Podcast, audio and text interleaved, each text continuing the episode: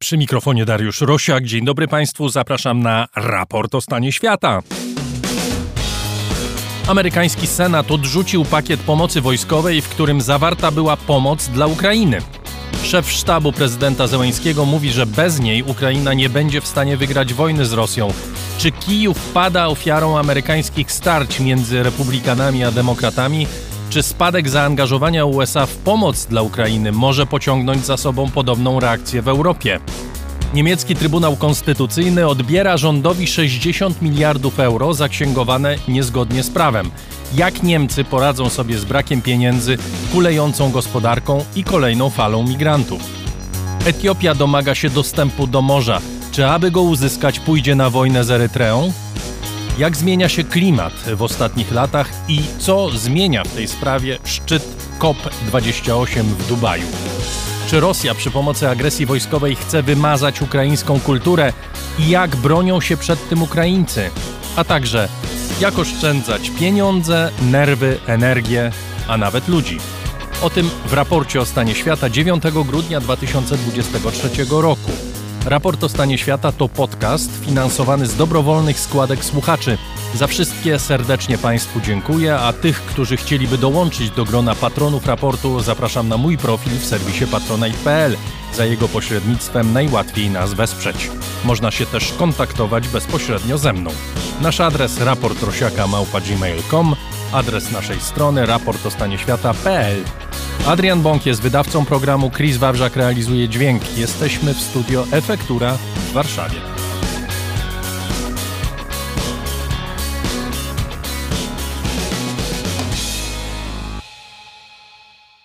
Senat amerykański nie zaakceptował programu pomocy wojskowej dla Ukrainy. Cały pakiet opiewający na 110 miliardów dolarów dotyczył nie tylko Ukrainy, również Izraela i Tajwanu, także pomocy dla gazy, ale też środków na zabezpieczenie południowej granicy Stanów Zjednoczonych, przez którą tysiące ludzi ciągle próbują przedostać się na teren USA. Ten ostatni komponent był najbardziej istotny dla wielu republikanów przy podejmowaniu decyzji o odrzuceniu programu. We wtorek, przewidując najwyraźniej wynik głosowania, prezydent Zełęński w ostatniej chwili odwołał briefing online przewidziany w Senacie, a szef jego sztabu, Andrii Jermak, zasugerował, że bez amerykańskiej pomocy Ukraina nie będzie w stanie wygrać wojny z Rosją. Co dalej z tym pomocowym pakietem i jak zbliżające się wybory wpływają na decyzje amerykańskich parlamentarzystów? O tym porozmawiam z Mateuszem Piotrowskim z Polskiego Instytutu Spraw Międzynarodowych. Witam, dzień dobry. Dzień dobry. Wyjaśnijmy najpierw, o co chodziło w tym głosowaniu. Jak rozumiem, dotychczas Stany Zjednoczone przeznaczyły na pomoc dla Ukrainy około 110 miliardów i podobna suma mniej więcej pojawia się w tym nowym pakiecie, choć nie całość przeznaczona jest dla Ukrainy. Tak, zacznę najpierw od tego pakietu. Tu faktycznie jest 60 miliardów dolarów przewidziane dla Ukrainy. Wcześniej to faktycznie było 110, tylko tu w ogóle się pojawia problem, no problem dla administracji Bidena, nie dla nas, ale tego, jak to było opakowane. Z tych 110 miliardów wcześniej i tak samo z tych 60 miliardów teraz, bardzo dużo tych środków, y, nie chcę mówić ile dokładnie, ale z tego pakietu teraz głosowanego, z tych 60 miliardów, ponad 20, wydaje mi się, miliardów jest przeznaczone na ponowne zamówienia dla koncernów zbrojeniowych, by uzupełnić luki we własnych siłach zbrojnych, więc te pieniądze nigdy nie trafią do Ukrainy, czy nie trafią na rzecz wsparcia Ukrainy, ale na odnowienie właściwie własnych zdolności. I to jest pewien problem, e, którego wcześniej nie przemyślano, mam wrażenie. Chciano się chwalić wielkimi kwotami, to, i, a mam wrażenie, że gdyby te kwoty były jednak mniejsze, te obrandowane jako pomoc dla Ukrainy, to tą pomoc byłoby prościej sprzedać w kongresie. I jeszcze dodajmy oczywiście, że ja nie wiem też w jakiej skali, ale ogromna część tej pomocy to są zamówienia dla amerykańskiego przemysłu wojskowego, militarnego, który produkuje tą broń, która ewentualnie potem by trafiła na Ukrainę, prawda? Tak, część tej pomocy to nie jest uzbrojenie ściągane z własnych stanów magazynowych, ale to zamawiane na nowo u producenta, więc to też to są środki, które trafiają do przemysłu, budują amerykańską gospodarkę, tworzone są czy utrzymywane są miejsca pracy. Na tym zyskują Stany Zjednoczone. To zaczęło być bardzo późno tłumaczone przez administrację Bidena. To jeszcze jeden powód do zastanowienia się, po pierwsze, dlaczego tak późno wpadli na chyba dosyć prosty pomysł, skoro my widzimy tutaj jakąś lukę, to być może administracja wcześniej powinna na to wpaść, ale dlaczego to nie jest akceptowane? wydaje mi się, że pomału zaczyna być akceptowane, ale jest po prostu za późno. Są, jest oczywiście grupa osób, która jest absolutnie nieprzekonana i wydaje jej się, że nie trzeba wykładać pieniędzy na Ukrainę, żeby dozbrajać e, Stany Zjednoczone jako takie, inwestować we własny przemysł zbrojeniowy. To można robić na przykład w związku ze zbrojeniem przeciwko Chinom. I to in, inne wtedy wydatki zbrojeniowe, in, inne sektory, inne rodzaje sił zbrojnych, więc tutaj to jest grupa, której na pewno się nie uda przekonać. Inni zaczynają być przekonywani, jeżeli nie przez administrację Bidena, to przez samych republikanów, liderów komisji na przykład e, w Izbie Reprezentantów, którzy bardzo, bardzo celnie wskazują właśnie na te korzyści, które odnoszą Stany Zjednoczone, no podejmują działania, które powinna podejmować właśnie administracja Bidena dużo wcześniej. Tymczasem to partia opozycyjna e, wychodzi z takim, powiedzmy, dokumentem, bo, bo tak to wygląda, to zostało e, spisane przez tych liderów e, Komisji Sił Zbrojnych, Spraw Zagranicznych i Wywiadu, do swoich partyjnych kolegów, by przekonać ich, że to wsparcie ma sens nie tylko dla obrony porządku międzynarodowego jako takiego, jeżeli to was nie przekonuje, to okej, okay, rozumiemy to, ale dla samych Stanów Zjednoczonych to też jest opłacalne i to leży w naszym interesie. Te pakiety pomocowe bardzo często opakowane są w taki no, skomplikowany od strony technicznej sposób. Tutaj, w tym pakiecie, znalazła się sprawa zabezpieczenia południowej granicy USA. I jak czytam komentarze, to tak naprawdę dla wielu republikanów to właśnie zdecydowało o ich podejściu do całego pakietu. Na czym polega istota rzeczy? Pomysł polegał na tym, żeby zadowolić republikanów i dorzucić coś, co ich e, zadowoli. Wydaje się, że Biden, jego administracja e, spodziewała się, że republikanie po prostu wesoło to wezmą i zgodzą się, tak, to jest świetny pakiet z ograniczeń migracyjnych i my się na to zgadzamy. Gdzie wiadomo było, jakie jest zdanie republikanów, dużo bardziej ostrzejsze niż to, co zostało e, zaproponowane, jeżeli chodzi o kodyfikację przepisów, zaostrzenie polityki, wzmocnienie ochrony granic było jasne, że oni tego nie zaakceptują jako takiego i będą chcieli to negocjować jako obszar pierwszy. I tutaj mam wrażenie, administracja Bidena sobie sama skomplikowała życie. Chciała każdemu coś dać w tym jednym koszyczku, żeby on w łatwy sposób przeszedł. Dlatego też wrzucono pomoc dla Izraela jako coś, co miało no, też przekonywać wszystkich, że po prostu musimy to jak najszybciej załatwić. I pomoc dla gazy na drugą nóżkę. Tak dokładnie, powiem. tak. Pomoc humanitarna, tutaj też jeszcze dodatki e, finansowe w Indo-Pacyfiku, żeby kontrować Chiny, a okazało się, że no przede wszystkim ta kwestia migracji jest tutaj kluczowa. O Ukrainie właściwie merytorycznie nie zaczęto nawet rozmawiać, jeżeli chodzi o zakres tego pakietu. Punktem e, tym zwornym była właśnie kwestia ochrony granic. Tutaj na razie się nie dogadano, co nie znaczy, że nie uda się jeszcze doprowadzić do porozumienia między partiami. No właśnie, to jest pierwsza taka nieudana próba przegłosowania tego pakietu w Senacie. Jakie są dalsze perspektywy? No i przede wszystkim pytanie jest, nawet jeżeli to przejdzie przez Senat, co się będzie działo w Izbie Reprezentantów, no bo cały proces musi y, przejść przez obie Izby. Tak jest. Negocjacje upadły, te pierwsze, i dlatego lider demokratów w Senacie zdecydował się przepchnąć ten, znaczy spróbować przepchnąć ten projekt w jego pierwotnej formie, takiej, jaką zaproponowała administracja Bidena. No i to raczej było do przewidzenia, że on zostanie odrzucony w tym proceduralnym głosowaniu. Natomiast negocjacje rzekomo już wróciły w ciągu doby. Niektórzy nawet twierdzą, że nigdy nie ustały, mimo że negocjatorzy nie spotkali się przez 6 dni. Więc jest szansa, że to się uda doprowadzić w jakimś zakresie. To będzie pewnie jeżeli chodzi przynajmniej o te przepisy migracyjne, e, ale nie tylko, bo na pewnym etapie musi dojść kwestia Ukrainy, musi dojść kwestia wsparcia dla Izraela i Gazy, to nie będzie łatwy do przełknięcia pakiet dla obu partii, to na pewno. E, nie wyobrażam sobie, że któraś z partii zagłosuje całościowo za tym pakietem i dodatkowo będzie to kilkunastu czy kilkudziesięciu, e, przynajmniej w Senacie, senatorów e, z drugiej partii. Ani dla republikanów, ani dla demokratów. Tam będą osoby, które będą z czegoś niezadowolone. Czy to jest wielkie militarne wsparcie dla Izraela, czy za ostre przepisy, albo za łagodne na południowej granicy, jeżeli chodzi o tych nielegalnych imigrantów ale wydaje mi się, że uda się wypracować, że ostatecznie też administracji Bidena udało się zrozumieć, że powinna usiąść do stołu, powinna też zostać zaproszona niejako do stołu i przez Partię Republikańską, i przez Partię Demokratyczną, bo póki co była tą stroną bierną, zaproponowała pakiet i pozostawała poza rozmowami, to się może udać przełamać. Teoretycznie kongres ma na to tydzień, w praktyce mógłby zostać, e, kongresmeni mogliby zostać jeszcze kolejny tydzień przed świętami, odroczyć, że tak powiem, swoją świąteczną przerwę, by ten pakiet wynegocjować jeszcze w grudniu, no bo później czekają jeszcze trudniejsze sprawy do, do negocjacji po nowym roku, czyli normalny budżet, który został też odroczony o trzy miesiące przez, przez kongresmenów. Mówi pan o tych e, kłopotach, ale dodajmy do tego jeszcze jeden taki drobiazg. Deficyt budżetowy Stanów Zjednoczonych wynosi 2,5 e, biliona dolarów, czyli 2,5 tysiąca miliardów dolarów. I jak pytał jeden z republikanów, dlaczego mamy go pogłębiać? To znaczy, dlaczego mamy pożyczać od Chin po to, żeby oddawać te pieniądze Ukrainie? To jest oczywiście demagogiczne w kontekście zwłaszcza tego, o czym wcześniej mówiliśmy, że te pieniądze tak naprawdę idą do przemysłu zbrojeniowego Ameryki w dużym stopniu, ale pytanie jest zasadne. To znaczy, on mówi, jaki my mamy interes w tym, żeby w ogóle Ukrainie pomagać. Co mnie prowadzi do pytania, czy rzeczywiście jest tak, że Amerykanie przestają widzieć interes w pomocy Ukrainie? Poniekąd przestają, patrząc też na poparcie społeczne, które, które maleje i faktycznie coraz więcej osób, e, ogólnie rzecz biorąc, patrząc na całość społeczeństwa, zaczyna twierdzić, że Stany Zjednoczone i tak robią za dużo, gdzie to wsparcie no, w ostatnich tygodniach było, no, wy, wypadało blado w, w, kontekście poprzednich pakietów, e, czy, czy tych transz pomocy raczej przekazywanych. To jest właściwie tylko amunicja, rakiety do wyrzutni, części zamienne, takie e, niezbędne wyposażenie dla żołnierzy. To nie są kolejne haubice, kolejne czołgi, tego nie mamy od kilku miesięcy już, e, ze względu na to, że wyczerpuje się pula pieniędzy i Stany Zjednoczone po prostu nie mają czym dysponować. Natomiast ta niechęć zrozumiała zresztą do zadłużania państwa dalej, jest jednym z postulatów absolutnie, który republikanie chcą realizować.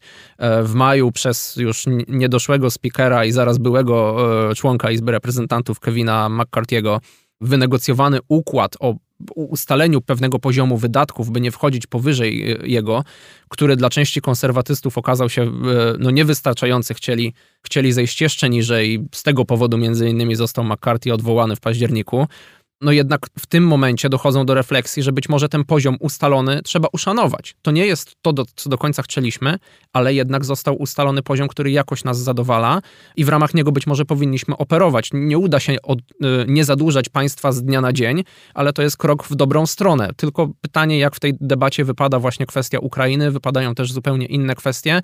Tutaj wydaje mi się, że dość dobrze stało się pytanie, czy tak zostanie do ostatniej chwili, że ten pakiet funkcjonuje osobno, to znaczy jest to pakiet kryzysowy, nie włączony w ustawy budżetowe. Jeżeli ten mechanizm zostanie utrzymany i uda się go właśnie przyjąć w grudniu, no to ominie go cała dyskusja o tym całościowym budżecie, gdzie wtedy kongresmeni będą poszukiwać cięć. Na ile to, co się dzieje w kongresie, to jest postępująca akceptacja wśród republikanów, że e, to Donald Trump będzie prawdopodobnie ich kandydatem w przyszłorocznych wyborach? Jego stanowisko wobec pomocy dla Ukrainy jest znane, chociaż też jakby poskrobać głębiej, to się okaże, że za czasów Trumpa pomoc wojskowa dla Ukrainy, która do pewnego stopnia zbudowała tę armię, przecież postępowała. To nie było tak, że za czasów Trumpa Ameryka nie pomagała militarnie Ukrainie, no ale wypowiadał się wielokrotnie sceptycznie na temat tego, jak zachowuje się prezydent Biden i jak wiele środków amerykańskich przeznaczane jest na tą pomoc. Republikanie trochę się boją, że karty są i tak rozdane, nie ma co się narażać przyszłemu prezydentowi?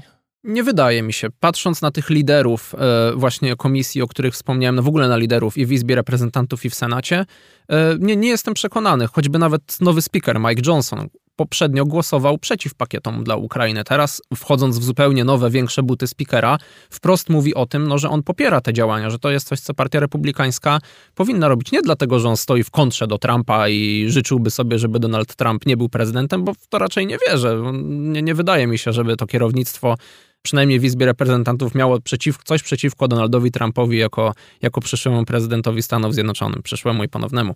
Ale jednak ta alternatywa w głowie, że będziemy mieli drugiego Trumpa, który będzie znacznie innym Trumpem, nie dlatego, że on sam się zmienił, tylko jego otoczenie będzie zupełnie inne. To jest ten problem, bo tu się absolutnie zgodzę. W pierwszej kadencji w ogóle po raz pierwszy przekazano e, w ramach wojskowego wsparcia Ukrainie coś, czym można za przeproszeniem zabić. E, to, to tak zwane lethal weapons przestano udzielać pożyczek, a zaczęto właśnie wysyłać środki w ramach pomocy militarnej, więc tutaj doszło do zaostrzenia korzystnego dla, e, dla Ukrainy, ale z drugiej strony no, mieliśmy też e, chwilę wstrzymania pomocy wojskowej, kiedy Donald Trump poszukiwał brudów na Joe Bidena i Huntera Bidena, wówczas ta pomoc militarna stała się zakładnikiem całej tej sytuacji brudnej politycznie. E, więc no, Ukraina na pewno ma taki mieszany stosunek do powrotu Donalda Trumpa. Sam Zełęński na pewno no, nie, nie uśmiecha mu się ta perspektywa, patrząc też na obecne wypowiedzi Trumpa. To jest oczywiście okres kampanii, można powiedzieć wiele, a w czasie, gdy przyjdzie czas na politykę, to się może zmienić. Ale Trump dość wyraźnie mówi, że tym razem chciałby osuszyć to bagno, które tak oskuszał przez 4 lata i mu nie do końca wychodziło, bo bagno oddawało, że tak powiem, swoje, kontrolowało jego działania. Tym razem wydaje mi się, że patrząc też na działania, które już są teraz podejmowane, poszukiwanie lojalistów, ta jego przyszła administracja po prostu wyglądałaby dużo, dużo inaczej. I nawet jeżeli nie chodzi o samego Trumpa, to chodzi o ludzi wokół niego, którzy no, autentycznie nie wierzą w to, że Stany Zjednoczone powinny choćby dolara wydawać na wsparcie Ukrainy. No tak, druga kadencja to zwykle prezydent jest troszeczkę bardziej że tak powiem, rozpuszczony. Tak, tak? jest. A w przypadku Trumpa to prawdopodobnie oznaczałoby po prostu zdjęcie rękawiczek i już walka na gołe pięści. Jeszcze jedna rzecz.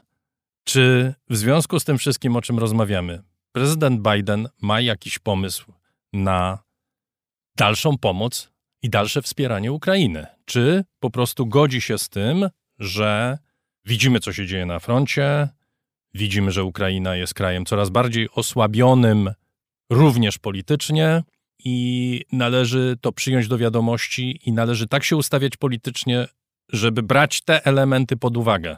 Mam nadzieję, że nie aż tak skrajnie. To znaczy, mam nadzieję, że administracja Bidena, ci ludzie, którzy decydują o tej polityce wobec Ukrainy, jednak nastawiają się na to, żeby po pierwsze przede wszystkim przekonać kongres do tego, że te środki są potrzebne, przynajmniej na tą perspektywę roku, by zapewnić dalej Ukrainie wsparcie i to nie w takiej formie kroplówkowej, jak w ostatnich tygodniach właśnie tej amunicji i części zamiennych, ale kolejnych wyrzutni tego, czego, tych pocisków dalekiego zasięgu, które na razie zostały przekazane w bardzo małej ilości, ale jednak zostały, kolejna czerwona linia została powiedzmy zatarta, że to jest to działanie e, pierwsze, ale to, czego się obawiam faktycznie, to o czym pan wspomniał, to słabnące przywództwo polityczne, coraz więcej kryzysów wewnętrznych w Ukrainie, e, też pozorowanie niektórych reform przez, przez Zełańskiego, to są pewne kwestie, które e, mogą osłabiać to poparcie polityczne w Waszyngtonie. Nie mówię już o republikanach nawet, ale też właśnie o administracji Bidena, która gdzieś tam ostatecznie próbuje się ustawiać. Nie, nie będą Stany Zjednoczone wiecznie, może nie są uwikłane, ale nie będą uwiązane wsparciem dla Ukrainy. Ono naprawdę może się w którymś momencie skończyć. To nie będzie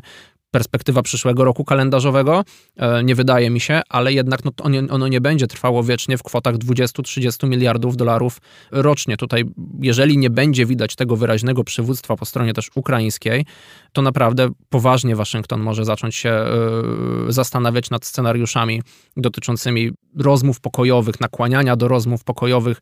Oczywiście nie chce ich na razie ani Ukraina, ani Rosja, ale to by nie była jakaś wielka nowość. To, że administracja Bidena o tym nie myśli teraz, nie znaczy, że nie myślą eksperci, którzy dawniej byli powiązani ze środowiskiem Partii Demokratycznej i choć teraz może nie mają dostępu bezpośrednio do ucha, to nie znaczy, że gdzieś tam ich głos się echem nie odbija. A poza tym, panie Mateuszu, to, że administracja nie mówi, to nie znaczy, że nie myśli. Oczywiście, że tak, tak. Bardzo dziękuję. Mateusz Piotrowski z Polskiego Instytutu Spraw Międzynarodowych był gościem raportu o stanie świata. Dziękuję uprzejmie.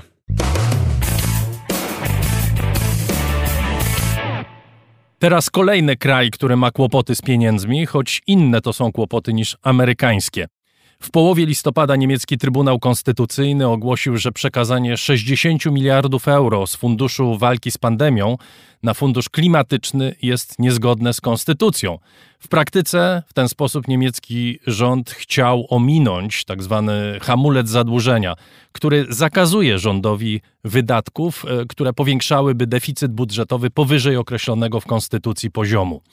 Decyzja sądu jest poważnym problemem dla gabinetu Scholza, a zwłaszcza dla gospodarki niemieckiej, jedynej dużej gospodarki, która w 2023 roku jest w recesji. Jest z nami dr Agnieszka Łada-Konefał, wicedyrektorka Niemieckiego Instytutu Spraw Polskich w Darmstadt. Witam panią. Dzień dobry. Może zacznijmy od tego orzeczenia, bo ono chyba w tej chwili jest kluczowe dla zrozumienia problemów rządu. Jak rozumiem, Trybunał uznał, że gabinet Scholza próbuje obejść zasady konstytucji dotyczące deficytu budżetowego, tak? Tak, dokładnie tak jest i e, w ten sposób e, rząd faktycznie musi się dostosować do tego wyroku, bo, e, bo to jest dla niego wiążące i musi znaleźć te pieniądze, których de facto brakuje. 60 miliardów euro. Tak, 60 miliardów euro jakby tego dotyczył wyrok, e, natomiast obecnie e, po pewnych roszadach, no już trochę czasu upłynęło, mowa, że brakuje 17 miliardów w budżecie na przyszły rok, czyli mowa jest teraz o 24. E, ten budżet miał dokładnie w tych dniach być uchwalany. No siłą rzeczy w tym momencie jeszcze nie może być uchwalony. Problem oczywiście polega na tym, że rząd niemiecki to nie jest jedna partia, tylko to jest koalicja e, rozdzierana przeróżnymi y, pragnieniami i postulatami, bo jak można wybrnąć z takiej sytuacji. Można albo podwyższyć podatki, albo obniżyć inwestycje y, w dziedzinie zielonej energii, bo te pieniądze miały iść na fundusz klimatyczny, no to można tego nie robić i przekazać je gdzie indziej, albo można obniżyć wydatki na cele społeczne.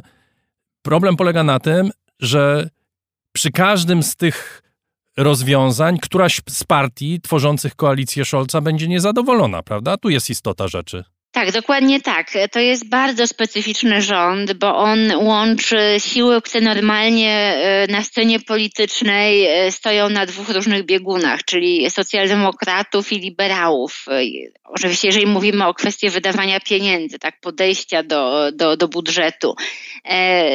Socjaldemokrata Scholz jest kanclerzem, liberał Christian Lindner jest wicekanclerzem i ministrem finansów i Habek e, jest zielonym e, ministrem odpowiadającym za, za kwestie też gospodarki.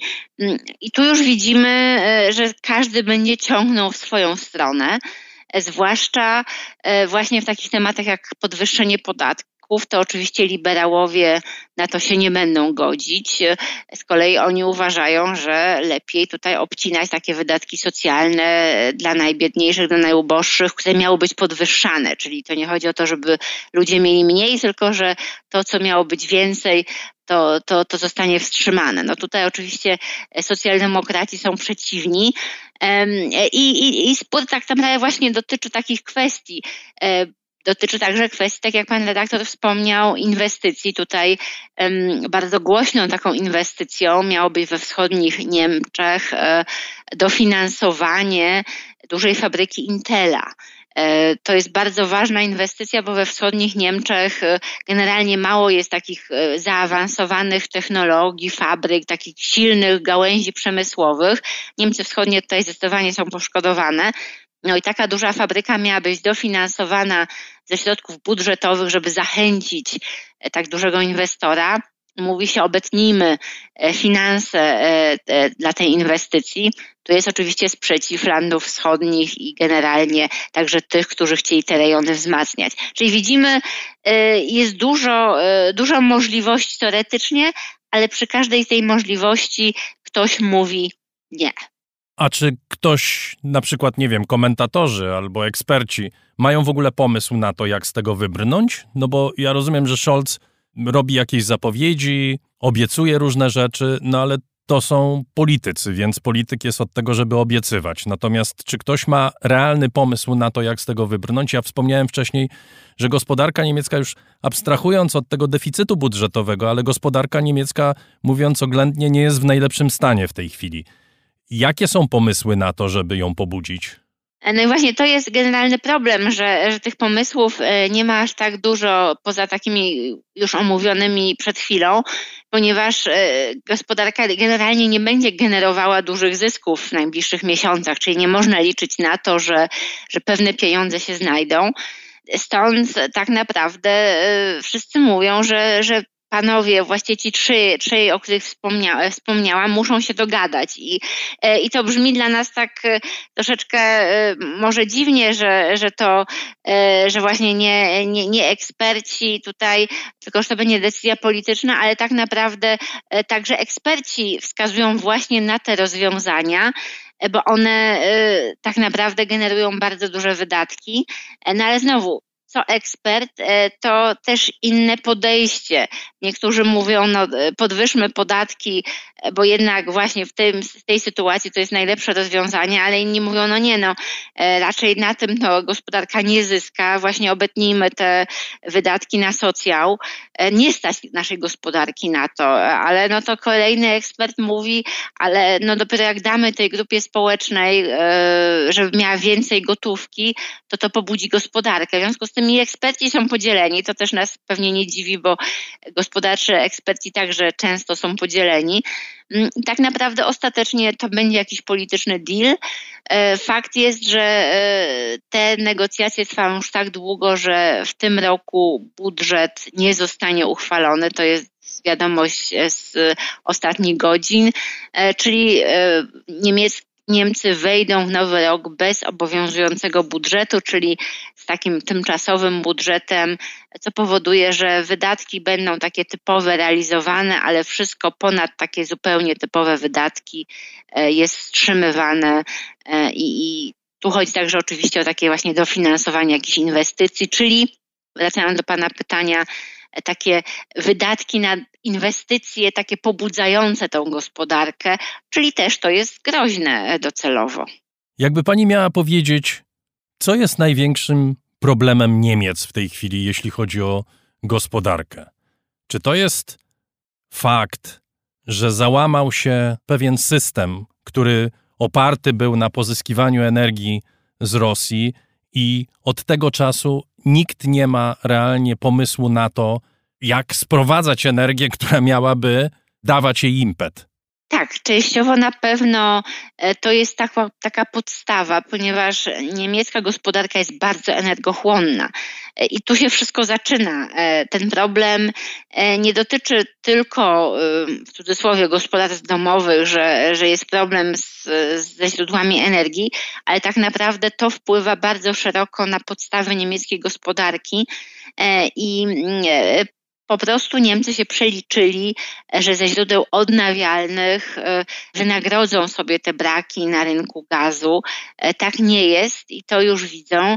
Decyzja o odejściu od atomu jest szeroko krytykowana przez niektóre kręgi gospodarcze, e, bo z atomu byłaby ta energia, której częściowo brakuje.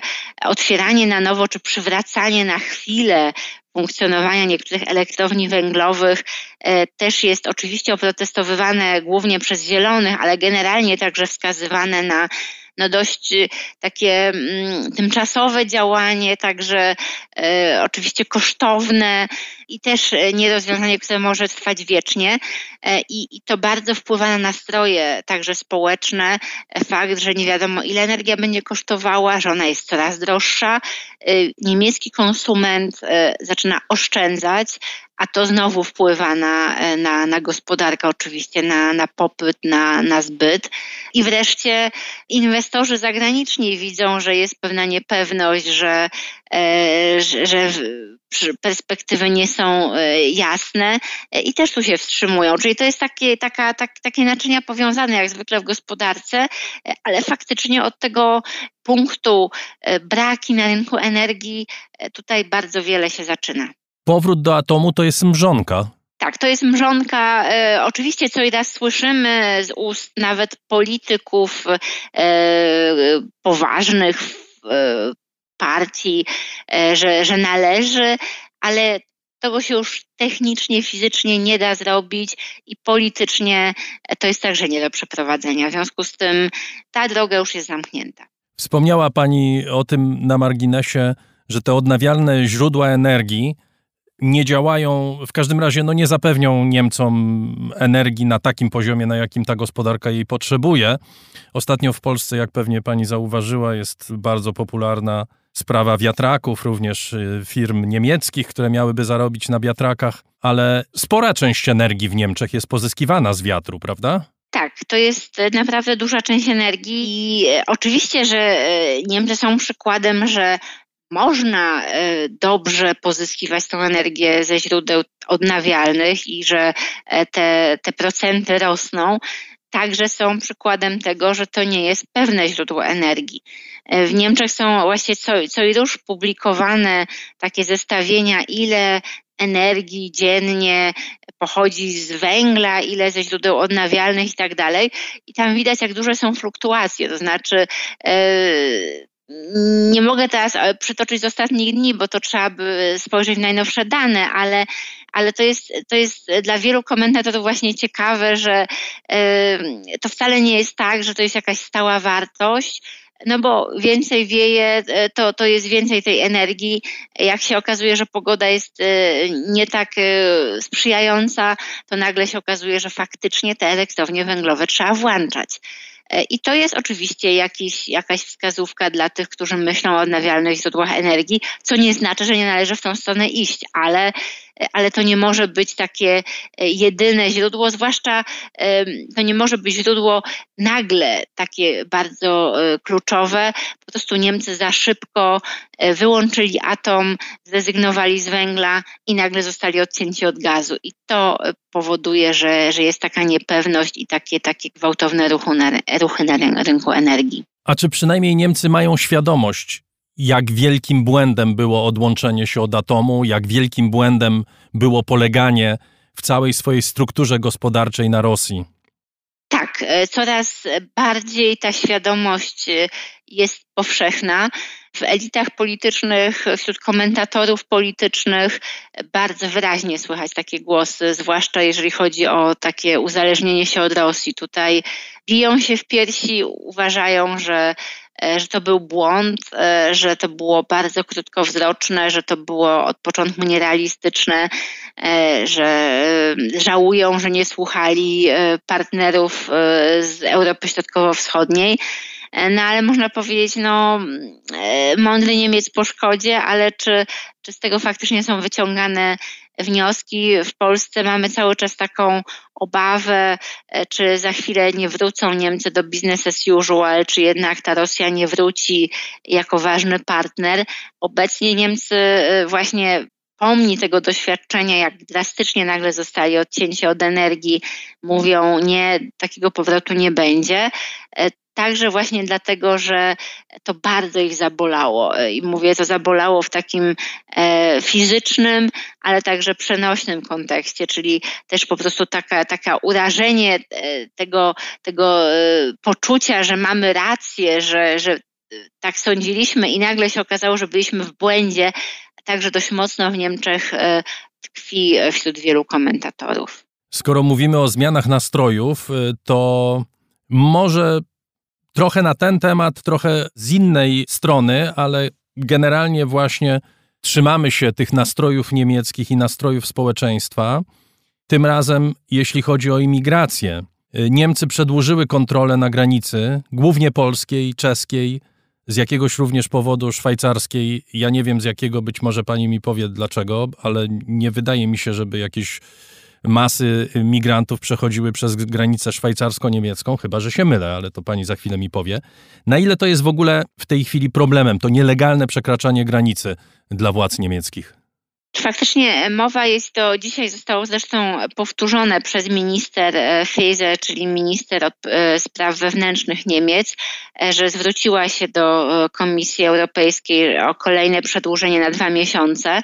I, I to jest w takim pakiecie Polska, Czechy, Szwajcaria. E, przyznam się, że ja też tutaj e, danych ze Szwajcarii, w sensie z tej granicy jakoś z nimi się tak nie spotykam. E, więc e, tutaj, e, tutaj tak naprawdę zdecydowanie więcej jest mowa o granicy polsko-niemieckiej. Tutaj ta Szwajcaria chyba jest po prostu. To jest główny powód z zamknięcia tych granic, prawda? Czy kontroli na granicach? Media o tym piszą, jakby wymieniają Czechy, Polskę, Szwajcarię, ale później powołują się na liczby głównie te z granicy polskiej.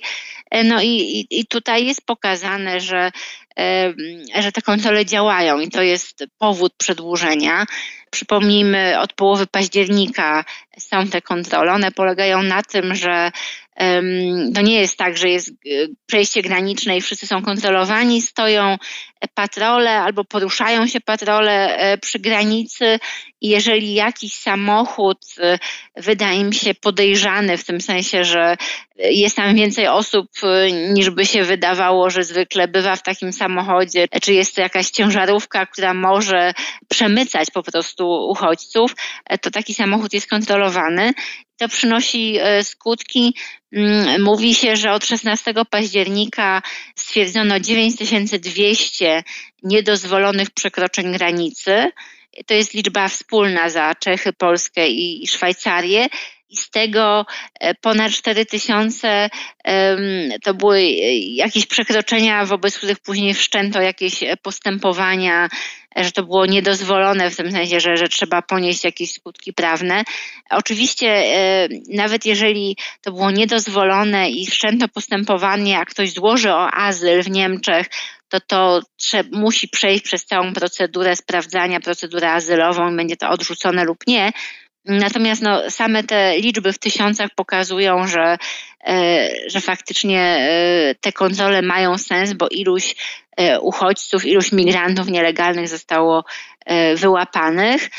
I też w tym duchu wypowiadają się zwłaszcza premierzy landów graniczących z Polską. Tutaj Wojtkę z Brandenburgii wypowiadał się w ostatnich też dniach, że w przypadku Brandenburgii to są, to jest no mniej więcej jedna trzecia tej liczby, o której mówiłam. E, czyli to są wysokie liczby i to oczywiście powoduje, że, że landy wschodnie zwłaszcza są bardzo zainteresowane, żeby, żeby dalej takie obostrzenia były. Jeszcze dla uściślenia, jeżeli pojawia się ktokolwiek na granicy niemieckiej i mówi: Ja chciałbym uzyskać azyl polityczny w waszym kraju, to ten ktoś musi zostać wpuszczony do Niemiec i cała procedura się rozpoczyna jak rozumiem. Tak, e, tak, tak to działa e, i, i takich przypadków właśnie jest bardzo dużo. Podobno tych przekroczeń granicy w listopadzie jest mniej niż e, w październiku, no bo to, to jest typowe, tak? Czym, czym późniejsza pora roku, tym mniej jest tych przekroczeń granicy, ale z drugiej strony mowa jest, że właśnie tych, tych wniosków o azyl generalnie w Niemczech jest e, bardzo dużo. Tutaj mam dane e, z niemieckiego Urzędu Migracji i Uchodźców. E, no to twierdzi on, że 35 tysięcy takich wniosków w samym listopadzie wpłynęło. To jest oczywiście bardzo konkretna, wysoka liczba. Kogo Niemcy obwiniają o ten wzrost liczby migrantów przedostających się na ich teren? Tutaj jest e, oczywiście bardzo, bardzo skomplikowana dyskusja w Niemczech. Generalnie e, w większości jest mowa o tym, że nie działają mechanizmy unijne, że trzeba tutaj wzmocnić kontrolę na zewnętrznych granicach Unii, a nie, nawet nie tyle kontrolę, co po prostu e, mechanizm decyzyjny, co robić z ludźmi, którzy stają na tych granicach bo jest świadomość, że no, na granicy Niemiec z innym krajem mogą być kontrole, mogą być kontrole jeszcze wcześniej i jest też mowa o tym, że wiedzą też, że Polska kontroluje na granicy ze Słowacją, że z kolei Słowacja kontroluje na innej granicy swojej wewnątrzunijnej, ale że tak naprawdę rozwiązania są potrzebne mm, ogólnoeuropejskie, co robić z tymi, którzy docą e, na zewnętrzne granice Unii e, i czy winią, czy raczej pokazują Niemcy, że po prostu nie ma takich rozwiązań i wreszcie trzeba je mieć, ale e, sami oczywiście e, coś proponują, ale sami są świadomi, że, że ta dyskusja unijna na razie po prostu nie przynosi skutku. Czy Niemcy mają świadomość, czy oni zauważają w ogóle jakąkolwiek relację pomiędzy większą ilością, większą liczbą migrantów i większymi napięciami społecznymi? Czy o tym się też mówi? Tak, i to jest jeden, jeden z powodów, dlaczego temat w ogóle migracji jest znowu tak ważnym tematem i dlaczego też są te kontrole graniczne ponieważ politycy doskonale zdają sobie sprawę, że pewien taki niepokój społeczny e, wzrasta, ponieważ temat migracji jest znowu tematem zajmującym przeciętnego Niemca. A dlatego, że widać e, ten wzrost liczby w konkretnych miejscowościach, gdzie nie ma już miejsc dla, dla nowych e, przybyszów, e, gdzie e, szef władzy gmin, powiatów mówią, nie mamy już jakich przejmować, nie stać nas na to, nie możemy sobie na to pozwolić i, i obywatele czują, że, że nie ma na inne wydatki, bo o tym się mówi, więc oczywiście to generuje e, niepokoje i niezadowolenie społeczne, ponieważ znowu wróćmy do naszego pierwszego punktu rozmowy.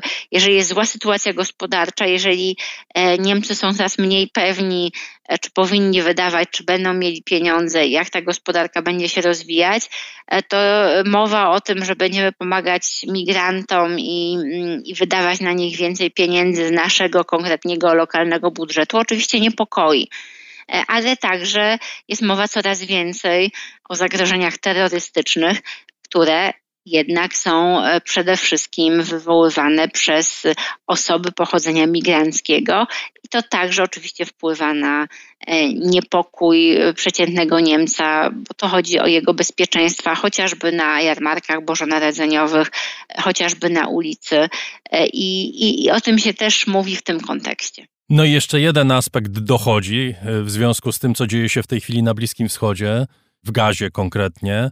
Przejawy antysemityzmu są no, bardzo ostro tępione w tej chwili w Niemczech. Mówi się nawet o ograniczaniu praw obywatelskich przez władze, prawda? Ci najbardziej ostrzy komentatorzy tak traktują pewne obostrzenia w swobodzie wypowiedzi, powiedzmy sobie szczerze. Tak, to jest znowu kolejny temat, gdzie oczywiście w Niemczech sytuacja jest bardzo specyficzna. Niemcy poprzez swoją historię nie mogą sobie pozwolić na tolerowanie jakichkolwiek antysemickich wypowiedzi czy, czy działań. Stąd y, mają podwójny problem, bo mają wspólnoty migrantów, którzy są bardzo przeciwko państwu Izrael, którzy bardzo wyraźnie e, o tym mówią, protestują, popierają Hamas, e, popierają e, jakby tą arabską stronę konfliktu, szeroko, szeroko, szeroko rozumianą e, i oczywiście e, to także wzbudza niepokoje społeczne, bo ci ludzie po prostu protestują na ulicach. To są znaczne grupy, e, to są grupy młodych mężczyzn, którzy od lat mieszkają w Niemczech, czyli mówi się powinni być już zintegrowani, powinni rozumieć jak Niemcy działają, że, że tego nie wolno, ale powinni także rozumieć, co znaczy Hamas i, i, i nie popierać tego typu ruchów. Tymczasem tak nie jest. To pokazuje także, że polityka integracyjna Niemiec nie przynosi skutków, a to znowu wywołuje dalszy niepokój. Doktor Agnieszka Łada, Konefał, wicedyrektorka Niemieckiego Instytutu Spraw Polskich w Darmstadt, była gościem raportu o stanie świata. Dziękuję pani bardzo. Dziękuję.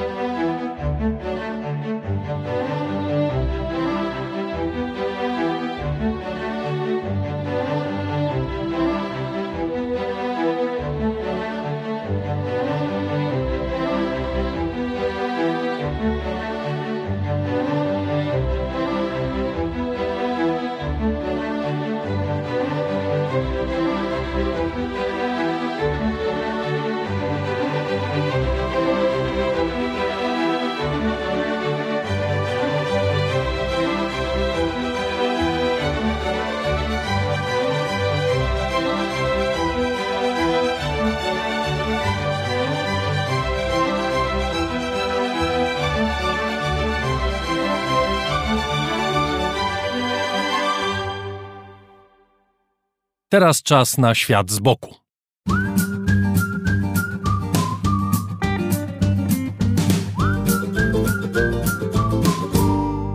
Jak słyszeliśmy przed chwilą, ani Ameryka, ani Niemcy nie palą się do wydawania pieniędzy. Nasz boczny obserwator Grzegorz Dobiecki dziś także o oszczędzaniu.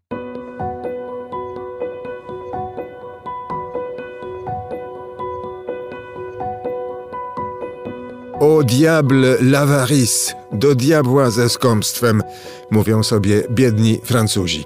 Nie będzie im wzorem molierowski harpagon Sknera żałosny. I w napadzie rozrzutności patroszą elektroniczną świnkę, szastają złotą wizą, szampany, homary, wittony, Francja, nonszalancja. A gdzie tam? Żadnych marzeń, panowie. Długo byście tak nie pociągnęli. Oszczędzać trzeba nad Sekwaną tak samo jak nad Potomakiem, Mekongiem i Gwdą. Składaj, synu, grosz do grosza, bo fortuna coś macosza. Składać warto nawet w inflacji. Przecież ona zaraz zniknie jak sen zły jaki albo prezes banku centralnego. Zresztą jak nie pieniądze, to oszczędzać można co innego. Zdrowie, nerwy, energię, wodę, idea się liczy. Weźmy czas. Wedle ludowej mądrości to wręcz to samo co kasa. Jacek Klejw twierdzi co prawda, że ani on twój, ani czyj, więc sprywatyzować i kapitalizować czasu się nie da. A Putin jednak potrafi.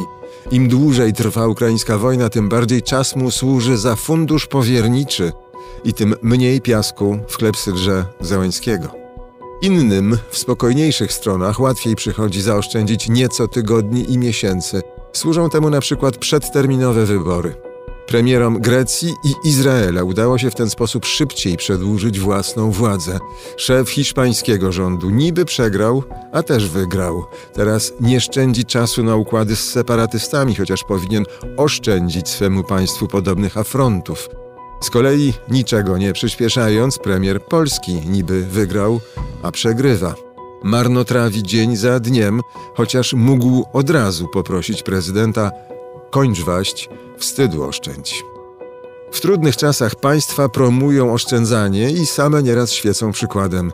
Rząd Japonii zredukował pensje ministrów. Nowy prezydent Argentyny zredukuje liczbę ministrów. Kim Jong-un redukuje liczbę północnych Koreańczyków. Narzucił im dietę ekstremalną, nie obcą już także Kubańczykom.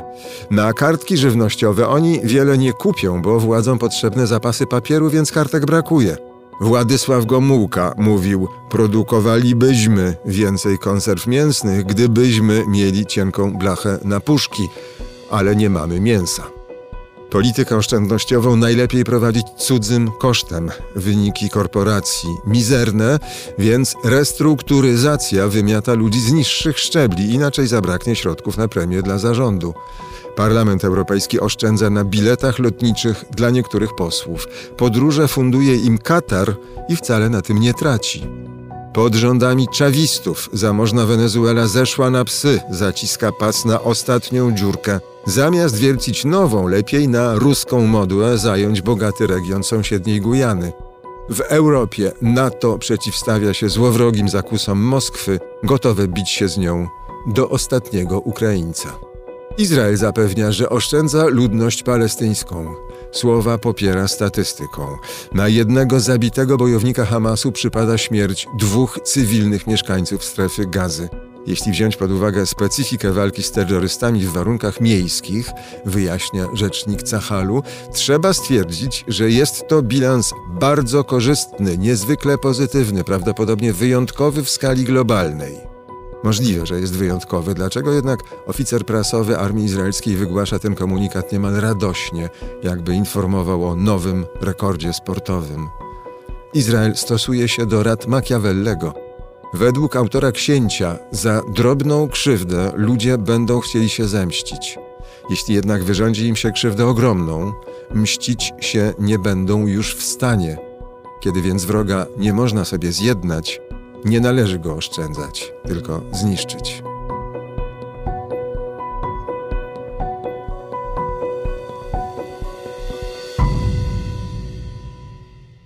Szanowni Państwo, zbliża się drugi poniedziałek grudnia, a zatem grudniowy raport o książkach. Agata Kasprolewicz jest z nami. Witam Cię, dzień dobry. Dzień dobry.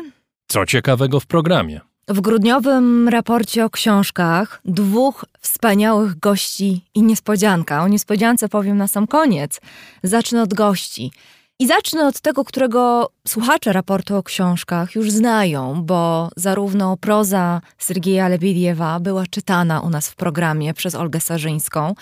Niezwykły fragment granicy zapomnienia tej debiutanckiej powieści rosyjskiego pisarza. Rozmawialiśmy również o jego twórczości. Tym razem, w tym grudniowym raporcie o książkach Sergiej Lebiediew, we własnej osobie. Spotkaliśmy się w Poczdamie, gdzie od ponad pięciu lat Sergiej Lebiediew mieszka, gdzie tworzy. I rozmawialiśmy o tym, co to znaczy dla pisarza owładniętego i mm, Sergiej Lebiediew zgodził się, że to jest odpowiednie słowo, obsesją, obsesją historii, obsesją pamięci co to znaczy mieszkać w mieście, które jest tak bardzo pełne historii jak Poczdam, które jest pełne wspomnień, ale wspomnień namacalnych. O tym rozmawiamy z Sergiem Lebiediewem, bo ta podróż do Poczdamu już się odbyła. Rozmawiamy przede wszystkim jednak o jego najnowszej książce pod tytułem Tytan, która myślę, że jest czymś nowym. Z jednej strony jest czymś nowym e, w twórczości Sergija Lebiediewa, bo to są opowiadania, to jest zbiór 11 opowiadań a nie nowe o tyle, że Siergiej Lebiediew ciągle rozmyśla nad sensem i naturą pamięci. Czym jest pamięć, czym jest naród i co dzieje się z ludźmi, którzy tę pamięć odrzucają, a przynajmniej część tej pamięci.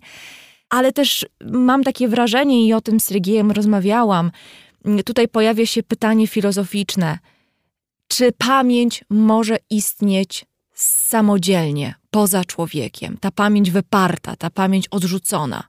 A jeśli tak, to co się z nią dzieje? O tym są te opowiadania, bo ta pamięć o najgorszych wydarzeniach XX wieku wraca do ludzi poprzez przedmioty, poprzez zwierzęta, poprzez ten świat, y, mówiąc ogólnie, nieludzki. To są opowiadania y, pisane już podczas y, pobytu Sergieja Lebediewa, już podczas tego okresu, kiedy on mieszka poza Rosją, więc są niektóre opowiadania, które osadzone są na przykład w Berlinie, więc to nie tylko rosyjska rzeczywistość. I co ciekawe, Sergiej Lebiediew od pewnego czasu nie jest już wydawany w Rosji, z czego zresztą jest bardzo dumny. To oznacza, że premiery tych jego książek e, mają miejsce w języku nie rosyjskim, tylko od razu w formie tłumaczonej. Także Tytan to jest ta najnowsza książka Siergieja Lebediewa i spotkanie z Sergiejem Lebiediewem w Poczdamie już w najbliższy poniedziałek. Agata, my wielokrotnie o Lebiediewie rozmawiamy, dlatego że jesteśmy oboje zafascynowani tą prozą i ona ma, myślę, dwie cechy. Pierwsza to jest taka, że jest to genialne pisanie, a druga cecha jego pisania jest taka, że jest praktycznie nieznany w Polsce, albo znany bardzo nielicznemu gronu. Tym bardziej y, jestem dumny, że w raporcie o książkach możemy pozwolić Państwu zapoznać się z tą prozą, i to jest niezwykle ciekawe. Zresztą zastanawialiśmy się chyba parę razy na temat tego, dlaczego Lebiediew jest tak mało znany w Polsce. To nie jest tak, że rosyjscy pisarze są w Polsce nieznani, a może to, co dzieje się wokół wojny wywołanej przez Rosję, właśnie powoduje, że współcześni pisarze, nawet tak wybitni jak Lebiediew, są po prostu nieznani w Polsce. Ja się zastanawiałam, jak mówić o Lebiediewie, bo mam takie wrażenie, że ci z Państwa, którzy nie znają jego prozy, mogą być nieco zmęczeni, a nawet może trochę poirytowani taką egzaltacją wręcz, którą być może wyczytają Państwo, kiedy co drugie słowo pada genialny, geniusz, arcydzieło, bo inaczej nie potrafi o tej literaturze mówić, a z drugiej strony ci z Państwa, którzy znają jego książki, a mam nadzieję, że tacy też są, to rozumieją mnie bez słów i e, jakiekolwiek słowa są zbędne. Ale jak myślisz, dlaczego on jest e, w Polsce mało znany, mało popularny, jak e, chyba nie zdradzam tajemnicy, ale jak mówił, to nie było takie łatwe tak naprawdę, żeby znaleźć wydawnictwo w Polsce. Rzeczywiście, rzeczywiście tak było, choć ta jego pierwsza książka, Granica Zapomnienia, ten jego spektakularny debiut literacki. To jest historia sprzed wielu lat, sprzed wybuchu tej pełnoskalowej wojny w Ukrainie. Przypuszczam, że w grę wchodzi wiele różnych czynników, okoliczności. Może nie ma co w to wnikać, bo to pewnie nie do końca przyjemne jakieś tam wewnętrzne sprawy rynku wydawniczego, ale mam przeogromną nadzieję, że y, Sergiej Lebiediew doczeka się takich czytelników, na jakich zasługuje, a więc wielu, wielu i bardzo oddanych mu y, czytelników. Tłumaczony jest na ponad 20 języków, 25 czy 26, więc to uznanie na świecie rośnie i oby tak było, bo to rzeczywiście Czas na uznanie pisarz wyjątkowy. Myślę, że to bezwzględnie jeden z najwybitniejszych żyjących obecnie pisarzy, a bardzo młody, zaledwie 42-letni, a jednocześnie z pewnością jeden z najmniej docenionych w ogóle, być może tutaj w tej kategorii e, wiedzie prem. Oby jak najkrócej. Y, drugi autor też się zajmuje historią też się zajmuje historią, też do niedawna nieznany Hernan Diaz, nagrodzony w tym roku literackim Pulitzerem. Zresztą podwójna była to nagroda, jedna właśnie za książkę Zaufanie, druga za książkę Damon Copperhead. Mam nadzieję, że z autorką tej drugiej powieści uda nam się porozmawiać kto wie, być może w przyszłym roku. Zaufanie Hernanda Diaza to jest powieść o królu Wall Street, czy też wilku z Wall Street, ale z lat dwudziestych ubiegłego wieku, kiedy wielkie fortuny pojawiały się w Nowym Jorku, w Stanach Zjednoczonych, kiedy ludzie wierzyli w sukces, kiedy rodził się amerykański sen, którego podstawą były pieniądze. To jest powieść o pieniądzach, ale te pieniądze są opisane w bardzo wyjątkowy sposób To jest taka trochę antyteza tego, co robił Scott Fitzgerald w Wielkim Gatsbym, to znaczy Hernan Diaz opisując życie, losy prawdopodobnie najbogatszego człowieka tamtych czasów, e, jakim jest jego główny bohater, nie opisuje luksusu, nie opisuje limuzyn, tych wszystkich wielkich e, imprez, które znamy przecież, stylu filmów, stylu książek, które są osadzone właśnie w tych szalonych latach dwudziestych XX wieku w Nowym Jorku, ale zaufanie to jest też książka o sile słowa pisanego. Mam problem z opowiadaniem o tej książce. Zresztą miałam też problem w rozmowie z autorem Hernandem Diazem, bo to jest powieść szkatułka i ogromna część piękna e, tej powieści to jest ta tajemnica, którą Lepiej nie e, spoilerować. czytelnik, tak, czytelnik niczym detektyw odkrywa dla siebie. Więc tutaj może postawię kropkę, ale to też wybitna literatura i taka, którą się jak ja to mówię, na jednym wdechu czyta, więc wspaniała lektura i również wspaniały autor. Ty tego nie wiesz, ale nasi słuchacze wiedzą, bo słuchają już naszego programu od jakiegoś czasu, że dzisiaj nam się zrobił program o pieniądzach. Także ta książka doskonale pasuje do e, zestawu. I jeszcze Ale, niespodzianka. No właśnie, żeby tak tej grudniowej zapowiedzi grudniowej, a więc świątecznej zapowiedzi raportu o książkach na pieniądzach jednak nie kończyć, to niespodzianka.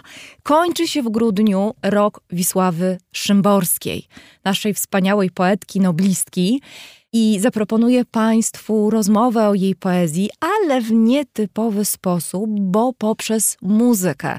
Wiersze Szymborskiej nie od dziś e, interpretowane są przez e, świetnych muzyków z rozmaitych zresztą gatunków e, muzycznych. E, zapraszam Państwa na spotkanie z Zuzanną Osowską, która wydała świeży album pod tytułem Szymborska Zachwyt i Rozpacz. Zresztą nasz e, wspaniały realizator Chris Wawrzek wyprodukował ten album, a więc miał też w tym swój udział. Dziękuję bardzo Agacie Kasprolewicz. Drodzy Państwo, wszystkie formaty raportu, również raport o książkach, opowieści arabskie także, Agaty Kasprolewicz, powstają dzięki Państwa życzliwości i ofiarności. Dziękujemy bardzo.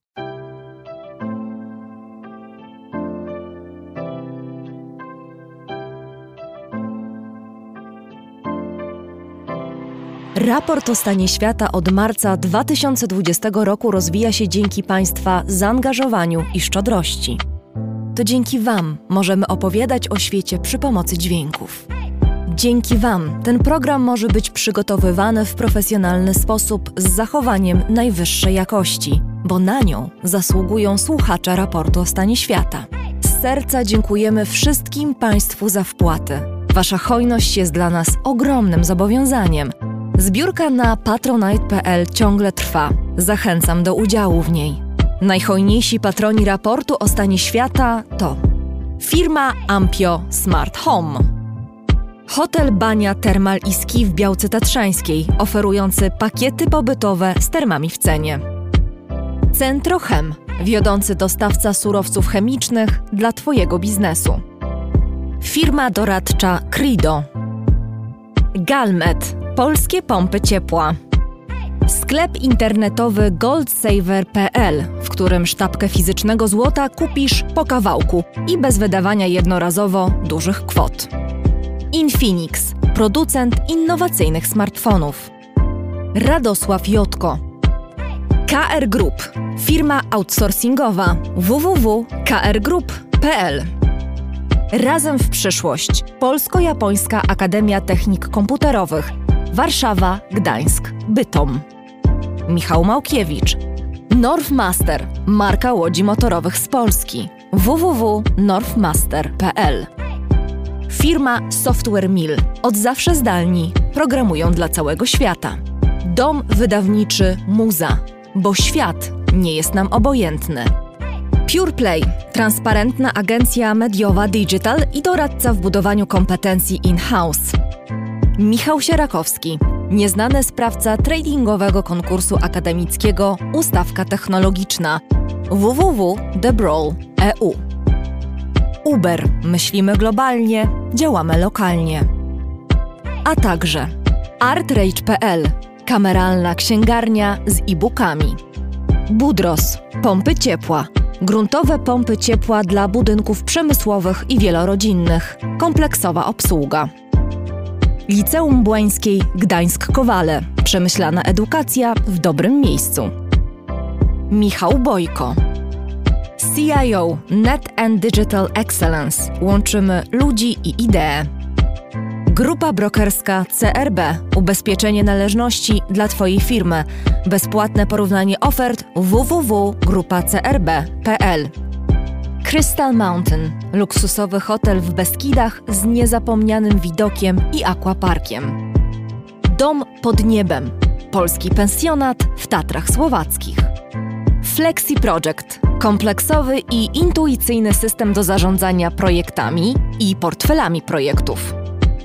JMP. Z miłości do sportu, z najlepszych tkanin, w sercu Podhala szyjemy dla Was porządną odzież. Palarnia kawy La Cafo z Augustowa. LSB Data. Dedykowane aplikacje internetowe dla biznesu. Masz pomysł? Zrealizujemy go. lsbdata.com Wydawnictwo Uniwersytetu Łódzkiego. Wydawca książek serii Krótkie wprowadzenie. Wszystko, co trzeba wiedzieć. Aplikacja Moja Gazetka. Polska proekologiczna aplikacja zakupowa z gazetkami promocyjnymi i nie tylko. Moja Gazetka. Kupuj mądrze. Firma ODO24. Optymalny kosztowo outsourcing ochrony danych osobowych ODO24.pl. Firma Prosper z Sosnowca. Hurtownia elektroenergetyczna i właściciel marki Czystuś. Marcin Rzeszutko, Mountain Running Guides. Plany treningowe dla biegaczy i sportów kondycyjnych. mrguides.pl Tixto.pl, niezależny serwis biletowy. Sprzedamy bilety na Twoje wydarzenia kulturalne i sportowe. Drukarnia cyfrowa totem.com.pl. Wspieramy wydawców i self-publisherów. Drukujemy najpiękniejsze książki. Fundacja Wasowskich, opiekująca się spuścizną Jerzego Wasowskiego i wydawca książek Grzegorza Wasowskiego. Szczegóły na wasowscy.com. Michał Wierzbowski. Wayman. Oprogramowanie wspomagające firmy inżynieryjne w zarządzaniu projektami. Stworzone przez polskich inżynierów dla sektora projektowego. www.wayman Software. Zen Market. Pośrednik w zakupach ze sklepów i aukcji w Japonii. Zen Market JP. Dziękujemy bardzo. To dzięki Państwu mamy raport o stanie świata.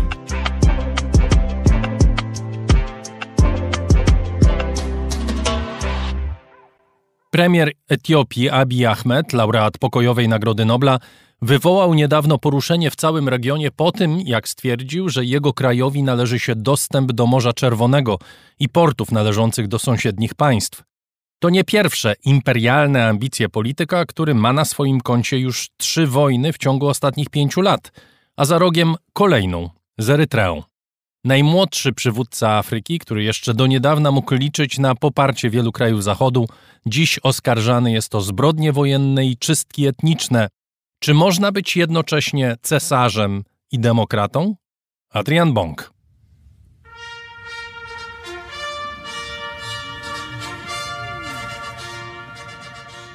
Gdy w 2019 roku premier Etiopii Abiy Ahmed odbierał pokojową Nagrodę Nobla, w Oslo traktowano go jak króla.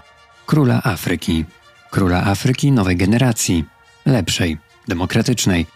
Generacji, która nie ma w sobie rządzy rozpętywania wojen, nie chce dożywotnich urzędów, która daje głos obywatelom. Nowa twarz Afryki, nowa twarz rogu Afryki. Młody, ubrany w szykowny garnitur, szarmancko uśmiechający się od ucha do ucha Abi Ahmed był wówczas powiewem świeżości. Tak właśnie Europa wyobrażała sobie współczesnych przywódców afrykańskich, albo chciała sobie wyobrażać. Wręczająca nagrodę Abiyowi Ahmedowi przedstawicielka Komitetu Noblowskiego mówiła wówczas tak. Przyznajemy tę nagrodę za trzy znaczące osiągnięcia. Po pierwsze, za kluczową rolę w doprowadzeniu do pokoju między Etiopią i Erytreą. Po drugie, za starania w budowaniu demokracji w Etiopii, za wzmocnienie swobód obywatelskich i budowanie demokratycznych instytucji. Po trzecie, ale nie mniej ważne, ta nagroda zostaje przyznana za wkład w pokój i proces pojednania we wschodniej i północno-wschodniej Afryce. W trakcie ceremonii jeszcze kilkakrotnie przyznano, że Nagrodę Nobla wręcza się w dużej mierze za zakończenie wojny między Etiopią a Erytreą. W 2018 roku przywódcy obu państw podpisali wspólną deklarację pokoju i przyjaźni, kończącą konflikt i uzgodnili przywrócenie stosunków dyplomatycznych. I to prawda, że duża w tym była rola Abija Ahmeda, który niedługo po tym, jak objął urząd, zaakceptował po kilkunastu latach warunki podpisanego w 2000 roku porozumienia kończącego wojnę graniczną. Niecałe pięć lat po przyznaniu Nagrody Nobla z rogu Afryki dochodzą jednak zgoła odmienne wieści o możliwym wybuchu drugiej wojny etiopsko-erytrejskiej, o której najwięcej mówi i do której najbardziej prze nie kto inny jak premier Abiy Ahmed. Czy nowy król Afryki zrzucił zachodnie szaty, a może nigdy ich nie miał i nim nie był?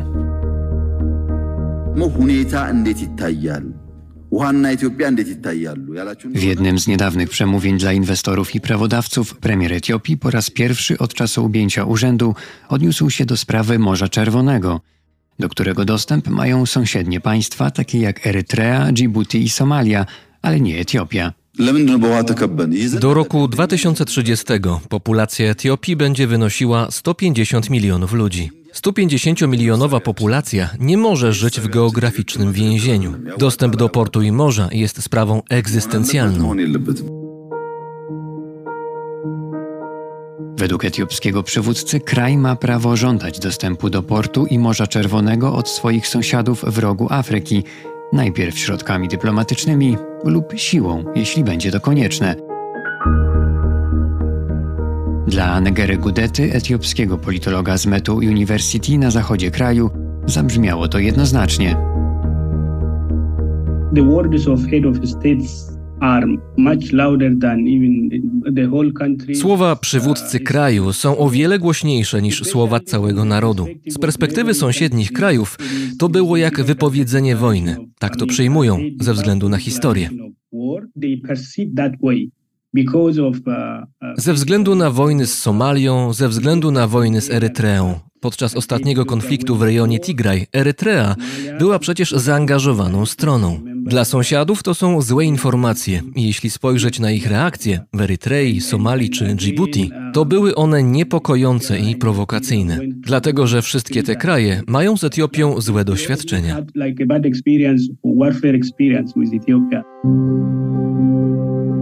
Dlaczego jednak dla wielu ekspertów to właśnie ta wypowiedź Abija Ahmeda była pewną cezurą i ostatecznym zerwaniem więzów z Zachodem, a jednocześnie skłonieniem się w stronę autorytaryzmu? Przecież jest wielu takich, którzy od początku twierdzili, że w przywódcy Etiopii mało jest demokraty, a zdecydowanie więcej autokraty. Żeby odpowiedzieć na to pytanie, trzeba zadać sobie najpierw inne o samo znaczenie Morza Czerwonego. Dlaczego sprawa dostępu do niego jest tak ważna dla Etiopii? Po pierwsze, dlatego, że w trwającej ponad 2000 historii Etiopii zawsze taka była podkreśla etiopistka z Uniwersytetu Warszawskiego profesor Hanna Rubinkowska-Anioł. Widać wyraźnie, że byli tacy władcy, którzy uważali, że ten dostęp do morza jest ogromnie istotny i w ogóle funkcjonowanie Etiopii było oparte na handlu właśnie tą drogą, chociażby same początki Etiopii jeszcze jako Aksum, kiedy handel przez Morze Czerwone był podstawą funkcjonowania właśnie tego państwa Aksum.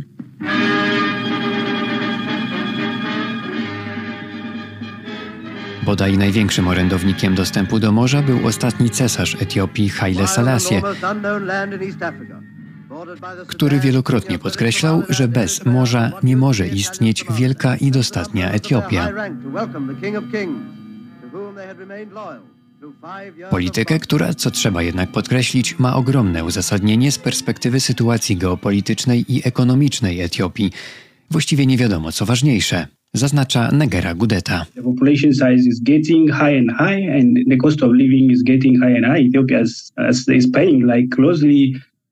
Populacja Etiopii ciągle się powiększa. Koszty życia wzrastają. Etiopia musi płacić Djibouti około 2 miliardów dolarów rocznie za eksport i import towarów. To wszystko w czasie złej sytuacji gospodarczej, niedoboru waluty obcej. Pieniądze z eksportu surowców, jak na przykład kawy, nie wystarczają. A z perspektywy politycznej i bezpieczeństwa żyjemy w najbardziej niestabilnym regionie Afryki. Regionie, który jest nękany terroryzmem, przemocą, biedą. Nie możemy polegać na innych, że zawsze dadzą nam gwarancję stabilności portów czy dostaw.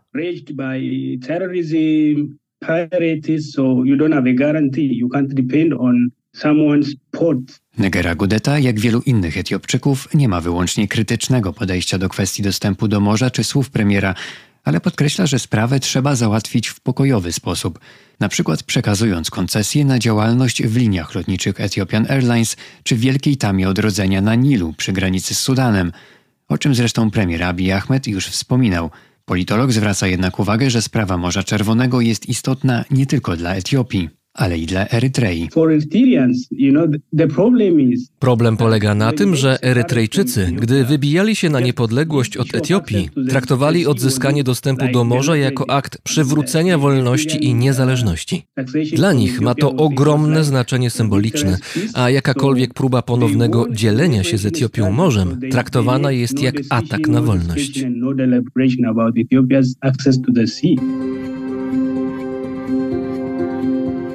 Premier Abiy Ahmed niedługo po kontrowersyjnej wypowiedzi dotyczącej dostępu do morza wystąpił w etiopskim parlamencie i tłumaczył, że nie ma planów inwazji na sąsiednie kraje. Dodał jednak od razu, że to nie oznacza, że Etiopia przestanie się domagać bardziej bezpośredniego połączenia z Morzem Czerwonym. Według profesora Jana Abinka ze studiów afrykańskich na Uniwersytecie w Lejdzie, postępowanie Abija przypomina postępowanie innych autokratów – a buńczuczna wojenna retoryka ma na celu także odwrócenie uwagi od problemów wewnętrznych. Um, Etiopia to kraj wielu napięć i konfliktów, a takie słowa mają odwrócić od tego uwagę, co nie znaczy, że powinno się to akceptować czy traktować jako uzasadnioną politykę. Oczywiście kwestie ekonomiczne mają znaczenie, ale nie można też traktować ich jak sprawę życia i śmierci.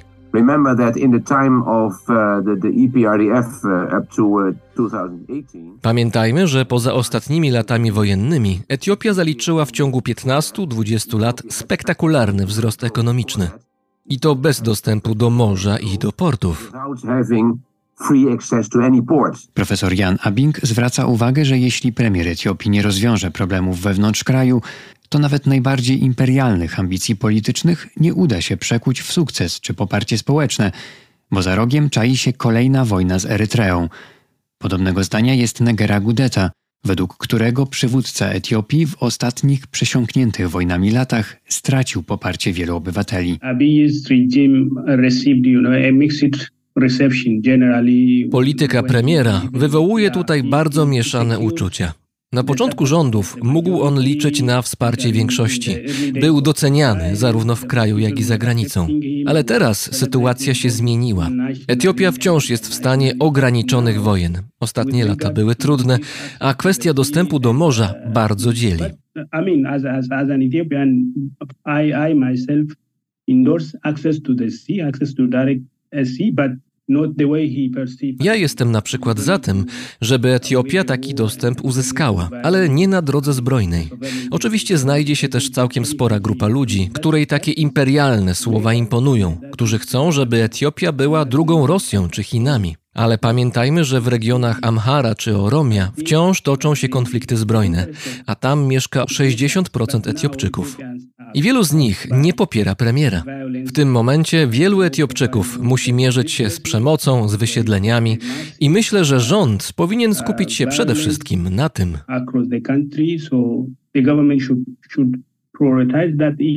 Tymczasem profesor Hanna Rubinkowska-Anioł mówi wprost – Abiy Ahmed chce zostać kolejnym cesarzem Etiopii i jego wojenna wręcz retoryka wobec sąsiadów dobrze się w to wpisuje. Rzeczywiście w Etiopii były ogromne nadzieje, kiedy Abiy Ahmed przejął władzę w 2018 roku i wydawało się, że to rzeczywiście może być szansa dla Etiopii, dla rogu Afryki i, i może być to nowa propozycja prowadzenia polityki, ale bardzo szybko i to zdecydowanie jeszcze wcześniej niż Abiy Ahmed uzyskał Nagrodę Nobla, widać było, że on ma ogromne ambicje polityczne i to takie, no odważę się użyć tego określenia chore ambicje polityczne. Abiy Ahmed też zasugerował, że wszystkie państwa graniczące z Etiopią położone nad Morzem Czerwonym właściwie powinno zostać z tego utworzone jedno państwo, czyli Erytrea, Djibouti, Somalia, Somaliland, nie funkcjonujące oficjalnie, ale bardzo dobrze funkcjonujące de facto państwo wyodrębnione niejako z północnej Somalii. Chciałby te wszystkie państwa połączyć. Abiy Ahmed z jednej strony przywdziewa pomału szaty cesarza, ale z drugiej nie porzuca wciąż szat demokraty i co jakiś czas przypomina się Zachodowi. Our Green Legacy Initiative represents a proactive response Teraz jako afrykański demokrata występuje na szczycie klimatycznym, broniąc rolników z rogu Afryki i zielonej transformacji. Kilka miesięcy temu ściskał dłoń Władimirowi Putinowi i obdarowywał go komplementami.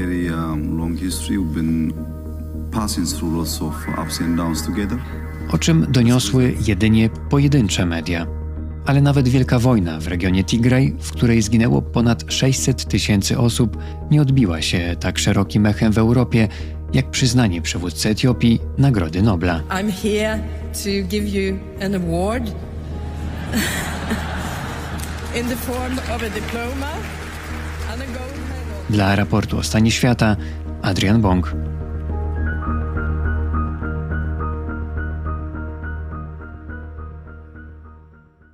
Trwa COP28, czyli szczyt klimatyczny, konferencja stron, spotkanie liderów politycznych, lobbystów, aktywistów klimatycznych. Jego celem ma być teoretycznie wypracowanie wspólnych działań dla ograniczenia złych skutków zmian klimatu. W praktyce różnie to bywa. W ubiegłym tygodniu mówiliśmy o politycznym wymiarze tego wydarzenia. Dziś chciałbym porozmawiać o tym, jak wygląda stan planety ponad 200 lat po rewolucji przemysłowej, która ten stan Pytanie, czy odwracalnie, czy też nie, ale na pewno zmieniła. Profesor Szymon Malinowski, fizyk, przewodniczący Komitetu Problemowego do Spraw Kryzysu Klimatycznego Polskiej Akademii Nauk jest z nami. Witam pana, dzień dobry. Dzień dobry. 2023 rok to jest według statystyk najcieplejszy rok współczesnej historii. Co to konkretnie oznacza? No myślę, że znacznie dalej niż współczesnej bo y, coraz lepsze rekonstrukcje y, klimatyczne tego, co działo się w przeszłości, y, no, mówią, że to jest najcieplejszy rok od czasu, kiedy Ziemia zmienia swoją temperaturę w okresie cyklów lodowcowych, czyli to już jest kilka milionów lat wstecz. Dłużej niż istnieje ludzki gatunek i dłużej niż istnieją hominidy. Tylko Panie profesorze, co to konkretnie oznacza? Bo na przykład, nie wiem, od tygodnia jest strasznie zimno w Warszawie i w całej Polsce. Pada śnieg, mamy wczesną zimę. Wielu ludzi zadaje sobie pytanie, no skoro pada, to może przesadzamy z tym wszystkim. Owszem, było parę zim takich sobie, ale teraz możemy zjeżdżać na sankach, lepić bałwany i w ogóle wszystkim jest zimno, więc o jakim ociepleniu my mówimy? No w zeszłym roku o tej porze też spadł śnieg, prawda? A mieliśmy potem najcieplejszy Sylwester w historii. Więc y, ludzka pamięć jest bardzo, bardzo ułomna. Nie widziałem ani jednego lodowiska i sporty bojerowe nie wracają. Y, więc y, fakt, że spadł śnieg akurat w Polsce w miesiącu listopadzie, pod koniec miesiąca, który jest najcieplejszym miesiącem w historii pomiarów meteorologicznych na świecie średnio, nie znaczy, że globalne ocieplenie spowolniło czy się zatrzymało. Ale co konkretnie oznacza fakt, że mamy najcieplejszy rok. Temperatury to jest jedno. Jakie inne zjawiska występują, które się właśnie z tym ociepleniem wiążą? Znaczy, zjawiska są dla niektórych osób abstrakcyjne, ale znakomicie je można zaobserwować czy z orbity wokół Ziemskiej, czy y, mierząc, jak ogrzewają się oceany naszego globu. Y, to najbardziej niepokojące zjawisko jest takie, że Nasza planeta ma najbardziej dodatni bilans energii w historii. Każdy metr kwadratowy naszej planety absorbuje 2 waty więcej niż emituje w kosmos w tej chwili. To jest zupełnie niewyobrażalna liczba. Y, to tempo, y, tempo pół wata na metr kwadratowy odpowiadało y, tempu gromadzenia energii równej czterem wybuchom bomby atomowej z Hiroshimy na sekundę. W tej chwili to już jest 16. To jest tempo, w którym nasza planeta gromadzi energię z tego powodu, że coraz trudniej uciekać tej energii w kosmos przez narastający efekt cieplarniany. To zmienia wszystko. W tej chwili mamy już zagwarantowany wzrost poziomu morza. Troszkę wolniejszy, bądź troszkę szybszy, ale prawdopodobnie pod koniec wieku nasze miasta portowe będą przynajmniej jeśli nie pod wodą, to regularnie zalewane. Ale o jakich miastach portowych mówi pan? Gdańsk, Szczecin, Kołobrzeg. O Mówię polskich miastach. o polskich miastach portowych. Mówię o wszystkich miastach portowych, które są na świecie. Y, mówię o tym, że dramatycznie znikają lasy i wskutek w Polsce widzimy wymieranie świerka, zaczyna się wymieranie sosny na masową skalę. W Kanadzie w tym roku spaliła się y, powierzchnia lasu równa nie lasów polskich, tylko całej Polski z powodu y, długotrwałej suszy i niezwykłych upałów. Y, w Amazonii następuje powolne zamieranie lasów z tego powodu, że zdarzają się temperatury, powyżej których liście mogą fotosyntetyzować. Więc mamy naprawdę ogromny problem, którego jeszcze nie widzimy na co dzień. Ja jeszcze dorzucę jedną rzecz, nie dlatego, że jestem taki mądry, tylko dlatego, że przeczytałem na y, marginesie tego spotkania COP28 coś, co budzi bardzo poważne wątpliwości i bardzo poważną troskę. To jest to, że temperatura oceanów na powierzchni to jest w tej chwili średnio 21 stopni. To jest bardzo wysoka temperatura, prawda? Tak, to właśnie y, zaobserwowaliśmy bardzo duży wzrost temperatury powierzchniowej oceanu w tym roku, szczególnie na, na półkuli północnej. To jest właśnie bezpośredni efekt y, tego, o czym mówiłem, tej nierównowagi radiacyjnej, tego, że więcej światła słonecznego absorbujemy, energii zawartej w świetle słonecznym, niż w podczerwieni Ziemia może wyemitować w kosmos. Ponieważ ocean pokrywa 3 czwarte globu, y, no to w tym momencie i, i woda się miesza, więc, więc no na tym dużych obszarach powierzchniowych oceanu widać ten gwałtowny efekt. Jak będzie wyglądał świat ocieplony powyżej 1,5 stopnia, co zdaje się grozi nam bez względu na to, co ludzie będą robić dalej? Wiemy o tym, że paryskie porozumienie zakładało, że uda się ograniczyć to ocieplenie do 1,5 stopnia. W tej chwili wydaje się to chyba mało prawdopodobne, ale jak będzie ten świat ocieplony powyżej tego limitu wyglądał? Y, to znaczy, mamy główny problem z tym, że to ocieplenie przyspiesza, prawda? Pan się zapytał o jakiś stan stacjonarny. Jak będzie wyglądał świat ocieplony o 2 stopnie? Jak on dojdzie do swojej równowagi, to pojawią się nowe ekosystemy, pojawią się nowe zmiany w cyklu hydrologicznym, y, dojdzie do pewnej stabilizacji. My na razie jesteśmy strasznie daleko od tej stabilizacji. Mamy sytuację taką, że ta lawina się rozpędza. I teraz y, ile zmiecie po drodze ta, ta, ta lawina roz, rozpędzającego się ocieplenia, w tej chwili zależy od nas i y, to, jak będzie wyglądał ten świat, y, to w tej chwili już bezpośrednio prawie od każdej tony dwutlenku węgla, którą emitujemy w atmosferę, zależy. Proszę powiedzieć, to co pan mówi, na ile to jest prognoza naukowa, na ile to jest prognoza komputerowa, to znaczy, czy to są prognozy, które biorą pod uwagę możliwą reakcję ludzi. To nie jest pierwszy raz, kiedy ludzkość dochodzi do takiego momentu, kiedy zastanawia się, co się dalej będzie działo ze światem. Kiedyś religia załatwiała te rejony, w tej chwili nauka nam podpowiada perspektywę naszego rozwoju albo naszego zanikania poprzez ocieplenie klimatyczne. Czy te prognozy biorą pod uwagę fakt, że ludzie to też nie jest stan permanentny. Ludzie się zmieniają, zmieniają się sposoby, w jaki działamy i w jaki żyjemy.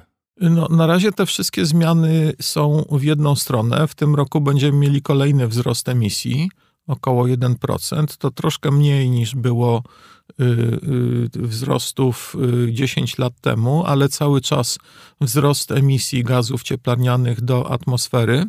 I to, co mówimy, jeśli idzie o prognozy, to tak naprawdę nie są prognozy, my mówimy, to są prognozy wariantowe, czy to są projekcje bo y, to, co mówimy, y, wiemy, że ludzie są właśnie tą największą niewiadomą, nad którą nie potrafimy zapanować i nie wiemy, co zrobią. W związku z tym, na przykład, y, między Narodowy Zespół do Spraw Zmian Klimatu, międzyrządowy Zespół do Spraw Zmiany Klimatu, nie robi prognoz, jak to często jest przedstawiane w mediach, tylko robi projekcje, które zależą od scenariuszy działania ludzkości na przyszłość. I są te projekcje y, optymistyczne, y, które politycy i media chętnie podchwytują i sprzedają półtora stopnia, dwa stopnie ocieplenia na koniec wieku. To, to, to nie jest zatrzymanie się ocieplenia. I, I, są te prognozy trochę mniej optymistyczne, z większymi wzrostami temperatur. My na razie podążamy ścieżką, która jest y, w tej wiążce tych projekcji, o których mówimy, i która mówi o wzroście temperatury między 3 a 4 y, stopnie na koniec wieku. 3-4 stopnie względem epoki przedprzemysłowej. Ja przypomnę, że maksimum epoki lodowej to było 5 stopni mniej niż ta temperatura z okresu przedprzemysłowego. 5 do 6 stopni mniej. I 20 tysięcy lat y, trwała zmiana, która spowodowała, że z 3-kilometrowego lodu nad Skandynawią i części lodu nad Polską wszystko znikło. Powstały nasze Mazury, y, powstała Puszcza Białowieska, y, ukształtował się krajobraz taki, jaki mamy w tej chwili w Polsce. Natomiast my mamy w tej chwili potencjał i jesteśmy na ścieżce zmiany wszystkiego w ciągu 150 lat w podobnym zakresie, tylko w drugą stronę. Jak pan ocenia dotychczasowe postępy szczytu COP28? Czego w ogóle się pan spodziewa jako naukowiec, jako obserwator klimatu po tym spotkaniu? No, ja nie jestem blisko polityki.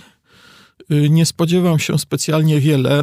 Te negocjacje mają już długą historię różnego rodzaju wpadek i takich pseudosukcesów jak, jak szczyt paryski. Ja mówię pseudosukces, bo y, sukces polegał na tym, że po długim czasie zaprzecania y, no, wszyscy przyznali, że coś być może trzeba z tym klimatem zrobić i, i postawili sobie takie bardzo optymistyczne cele, że w cudowny sposób ograniczymy wzrost temperatury do półtora albo do dwóch stopni. Y, natomiast y, nie poszły za tym żadne dalej idące zobowiązania, poza zobowiązaniami tak naprawdę słabo wiążącymi, redukcji emisji. I podobnie mamy, mamy w tej chwili. Oczywiście jest mnóstwo różnych ważnych rzeczy, które są rozważane. Kwestia tak zwanej sprawiedliwości klimatycznej, czyli tam y, różnego, y, różnej wyceny wkładu różnych krajów y, w, te, w ten stan obecny i możliwy przyszły i co z tym zrobić.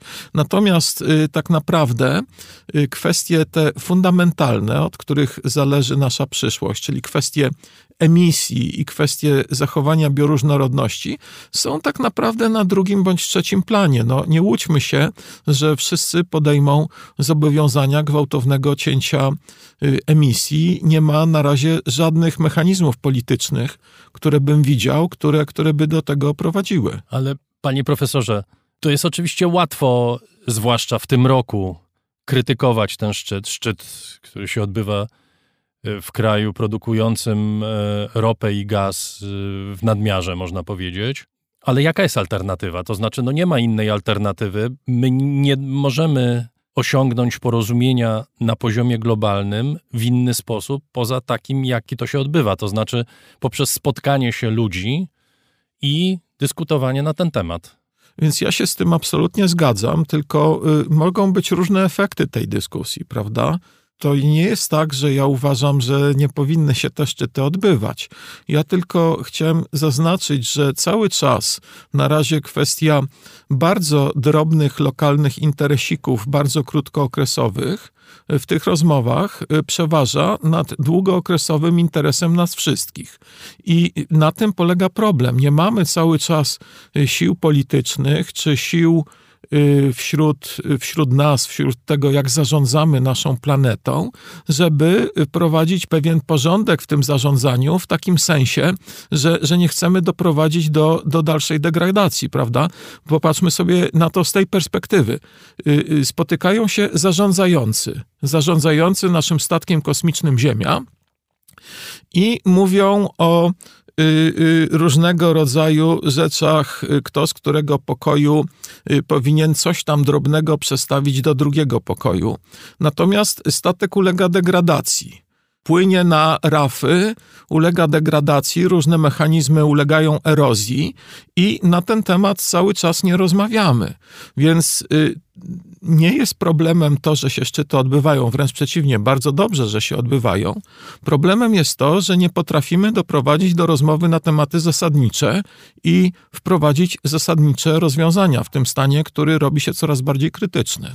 A czy nie uważa pan, że podstawowym problemem zaczyna być to, co w ogóle dzieje się w całej polityce, czy w całym myśleniu o świecie w tej chwili, to znaczy podział na północ i południe. Pan mówił o tej sprawiedliwości klimatycznej, czy sprawiedliwości społecznej, tak naprawdę w płaceniu za skutki kryzysu klimatycznego. Słowa przewodniczącego konferencji Sultana Al-Jabera być może najwymowniej o tym świadczą słowa, które powiedział, potem się z tego wycofał, no ale generalnie powiedział, że nie ma dowodów naukowych na to, że wycofywanie się z produkcji paliw kopalnych jest niezbędne dla osiągnięcia celu, czyli nienagrzewania planety powyżej 1,5 stopnia Celsjusza.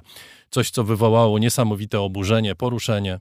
Jak mówię, on się z tego wycofał, ale generalnie to jest gdzieś taka sugestia, że słuchajcie, to co wy sobie mówicie, razem z całą waszą nauką, to jest jedno, a drugie to jest to, że jest połowa świata, a jeśli patrzymy na liczbę ludzi, znacznie więcej niż połowa świata, które żyje w takim stanie, że nie może przetrwać bez kolejnych dawek energii. Ta energia skądś musi być dostarczana i ta energia najlepiej jest dostarczana z paliw kopalnych. Ten podział jest bardzo mocno w tej chwili widoczny. Nie to jest istotą rzeczy? Nie, moim zdaniem zupełnie nie to jest istotą rzeczy, bo y, jak pan pamięta KOP w Katowicach, y, prawie dokładnie takie same słowa padły z ust y, naszego polskiego prezydenta który mówił, że dalsza eksploatacja węgla w Polsce nie stoi w sprzeczności z ochroną, z ochroną klimatu. Więc y, ja słyszę tutaj y, ten sam dźwięk, prawda? Y, te same, te same wydźwięki. Oczywiście fizycznie stoi w sprzeczności. I teraz problem polega na tym, że nam wcale nie jest potrzebna energia, nam są potrzebne usługi którego, które daje ta energia, tylko my te usługi kupujemy czy y, dajemy sobie w sposób niezwykle marnotrawny. Czyli krótko mówiąc, my znakomitą część tych emisji, y, czy tej, tej, tej, tej, tej całego zużycia energii, to y, nie zużywamy po to, żeby zrobić sobie dobrze, tylko zużywamy po to, żeśmy się przyzwyczaili do pewnego stylu działania. Ale to może ten y, Al-Jaber, przewodniczący i prezes największej spółki wydobywczej Zjednoczonych Emiratów Arabskich, ma rację, kiedy mówi, że to tak naprawdę nie chodzi o paliwa kopalne, tylko chodzi o wyłapywanie emisji. Więc y, tak naprawdę nie powinniśmy się koncentrować na tym, żeby przestać y, produkować paliwa kopalne, tylko stwórzmy taką technologię, która będzie te emisje wyłapywała Proszę i będziemy mieli sprawę z głowy. Proszę pana, to jest stara śpiewka i to jest tak naprawdę bardzo y, sprzeczne z zasadami fizyki, a szczególnie z tak zwaną drugą zasadą termodynamiki.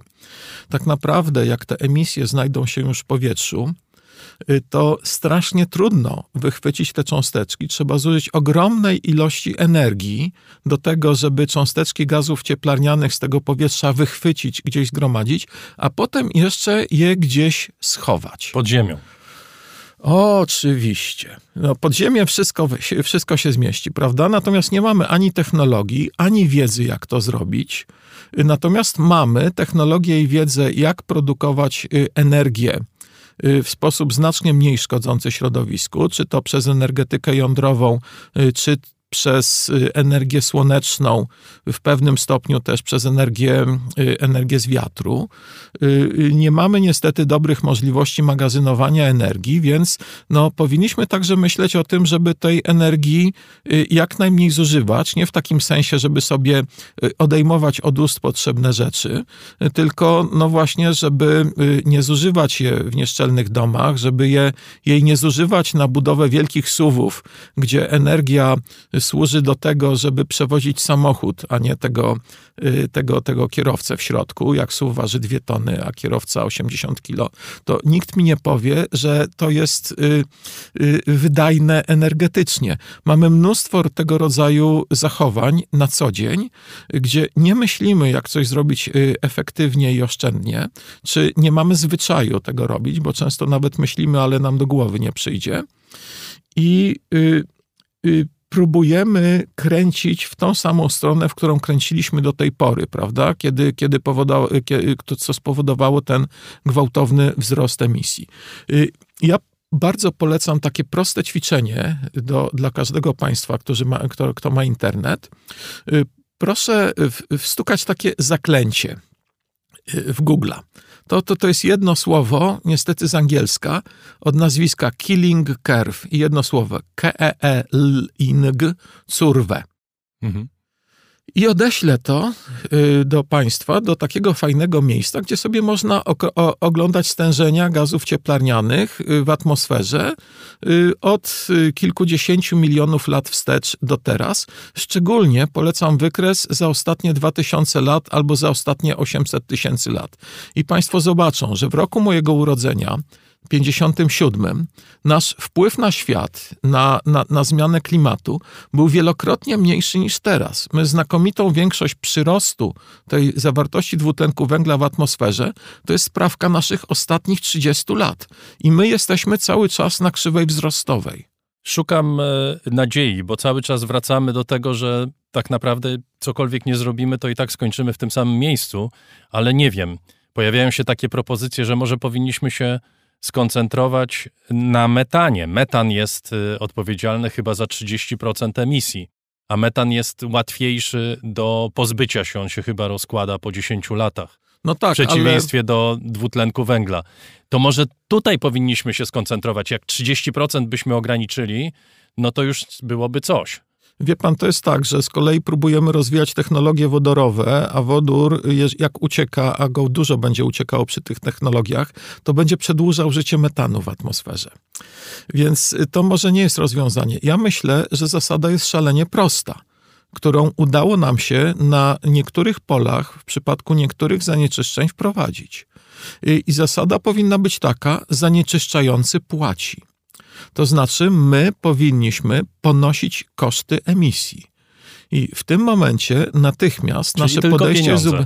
No, y, wydaje mi się, że jeżeli coś ma szybko tylko zadziałać, mandat. szybko zadziałać, to jest bardzo sprawiedliwe, ja bym powiedział bo najbardziej się bronią ci, którzy emitują najwięcej przed płaceniem. Zawsze wiemy, że ci, którzy na przykład najbardziej zatruli Odrę, yy, najbardziej się bronią przed jakimikolwiek zmianami, bo to uderza w ich bezpośrednią działalność, prawda? Eksternalizacja kosztów. Oni zarabiają nie na tym, że, y, że, że coś wytwarzają, tylko y, y, zarabiają na tym, że eksternalizują koszty, czyli przerzucają koszty na innych, na tych wszystkich, którzy korzystali z Odry, czy na tych wszystkich, którzy korzystają, że tak powiem, z naszej planety. I moim zdaniem od tego nie uciekniemy. Od tego nie uciekniemy, bo to jest metoda, która oddziałuje na wszystkich. No tak, tylko że to jest oczywiście pytanie jaką politykę można uprawiać, zwłaszcza w krajach demokratycznych w tej chwili, jak znaleźć sposób na to, żeby przekonać ludzi, którzy, zwłaszcza w krajach, gdzie się żyje ludziom dostatnie, są przekonani, że już więcej się z nich nie da wycisnąć, a rządy mają z tym poważne problemy. Przed chwilą w programie rozmawialiśmy o rządzie niemieckim, który y, zafundował sobie kryzys energetyczny na własne życzenie, który y, nie wie, jak z niego wybrnąć i któremu nie wystarczą odnawialne źródła energii po to, żeby gospodarka tego kraju mogła funkcjonować na poziomie zadowalającym jego mieszkańców, bo to tak naprawdę o to chodzi. No niestety tak jest zawsze, jeżeli jakakolwiek ideologia, czy w tym wypadku skrzywiona ideologia zielona, prawda, która doprowadziła do wyłączenia y, elektrowni jądrowych, czy skrzywiona ideologia liberalna, która zapomina o tym, że wolność człowieka kończy się tam, gdzie zaczyna się wolność drugiego człowieka, to znaczy właśnie ta kwestia eksternalizacji kosztów, y, prowadzi do tego rodzaju skutków. Pierwszą rzeczą, żeby doprowadzić do zmiany, musimy po pierwsze o tym powiedzieć. Po drugie, sprawa wygląda tak, że wprowadzenie tych y, opłat za emisję i, i, i za korzystanie ze środowiska najbardziej uderzy w najbogatszych. Y, no, Pan wie, że, że, że ten 1% y, najbogatszych emituje tyle, co 66% najbiedniejszych ludzi na świecie, prawda? Więc oczywiście to jest sprawiedliwe brać pieniądze od emisji, Pytanie, co z nimi dalej robić, jak z nimi dalej zarządzać. Wiemy, że tutaj polityka sobie z tym nie bardzo radzi, my sobie z tym nie bardzo radzimy. No ale po to, żeby w ogóle w tych krajach demokratycznych można było coś z tym zrobić, trzeba po pierwsze zacząć o tym mówić. Dopiero wtedy mamy szansę na dojście do jakiegoś konsensusu, zgody i tak dalej, i potem wykorzystania siły państwa do wprowadzenia różnego rodzaju regulacji. Ja chciałem podać pozytywny przykład.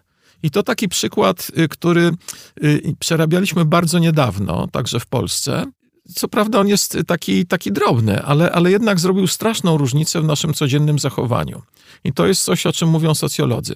Y, przez długie lata trwała niewiarygodna walka o to, żeby nie było zakazu palenia w miejscach publicznych i po prostu były wojny. Do, do samego końca była y, propaganda, która mówiła, że restauracje się załamią, że ogromna ilość przemysłu hotelarskiego y, po prostu poleci, że, że, w ogóle, że w ogóle to jest zamach na naszą, na naszą wolność osobistą. Proszę pana, y, w kilka miesięcy po tej regulacji po prostu wszyscy o tym zapomnieli i nagle oddychamy lepszym powietrzem. Nie tylko my, w takich krajach palaczy jak Francja, czy Włochy, czy Hiszpania też to się odbywa. Tak, i to jest przykład tego, że mnóstwo rozwiązań, które, które, które są przed nami, jest y, przedstawiane w sposób y, znacznie gorszy, niż one wyglądają w rzeczywistości. Y, to było rozwiązanie, które jednak podniosło poziom życia i zdrowie publiczne w widoczny, widoczny sposób. No i, i podobne rzeczy możemy zrobić tutaj, tylko, tylko no, pomyślmy o tym poważnie. Dziękuję bardzo za ten pozytywny, optymistyczny przykład na koniec. Profesor Szymon Malinowski, fizyk i przewodniczący Komitetu Problemowego do spraw kryzysu klimatycznego Polskiej Akademii Nauk, był gościem raportu o stanie świata. Dziękuję panu bardzo. Dziękuję.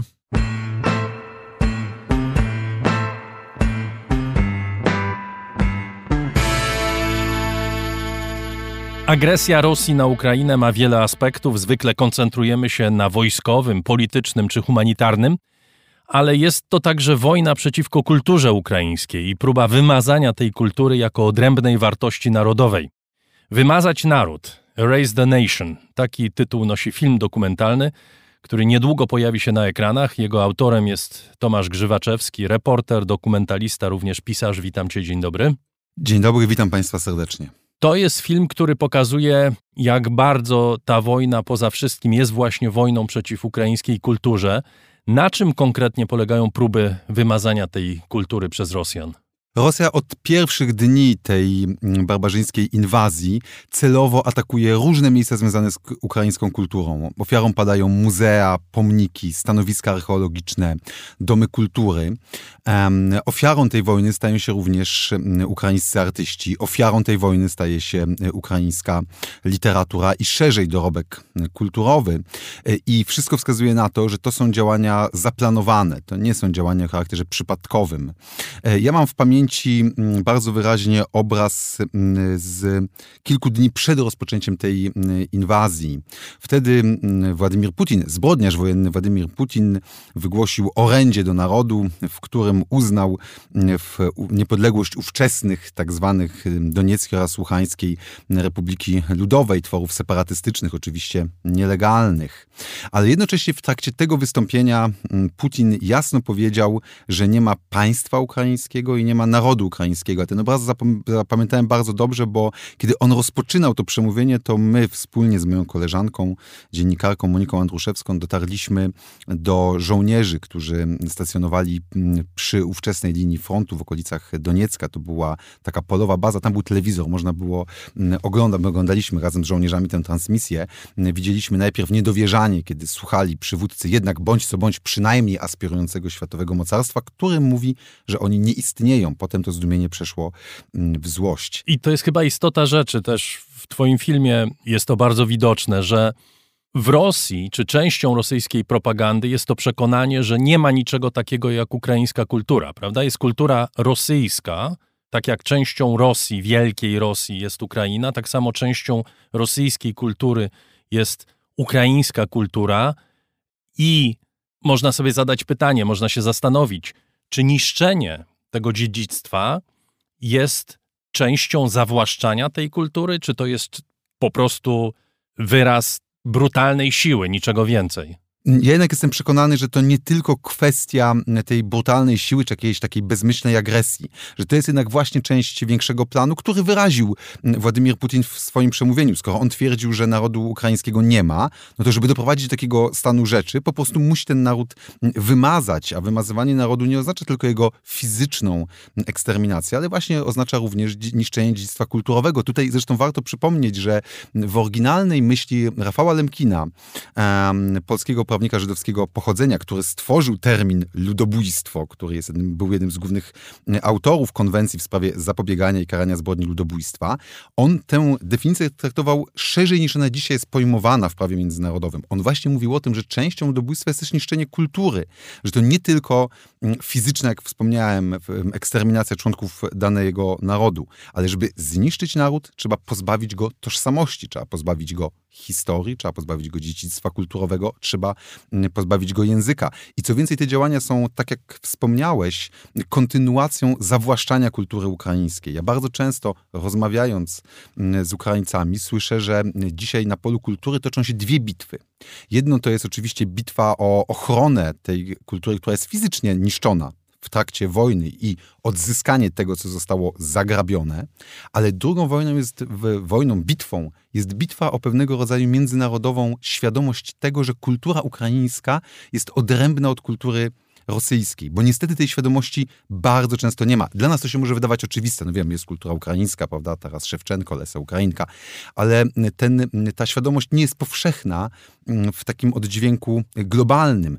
Mm, Rosja bardzo skutecznie zawłaszczyła kulturę ukraińską i szerzej zawłaszczała również kultury innych mm, nacji, narodów, które zostały przez Rosję podbite. Paradoksem oczywiście tej wojny i paradoksem tego projektu rosyjskiego jest to, że czym bardziej Rosja wykazuje się brutalnością i czym bardziej próbuje zawłaszczyć tę kulturę, tym mocniej utwierdza się tożsamość ukraińska, prawda?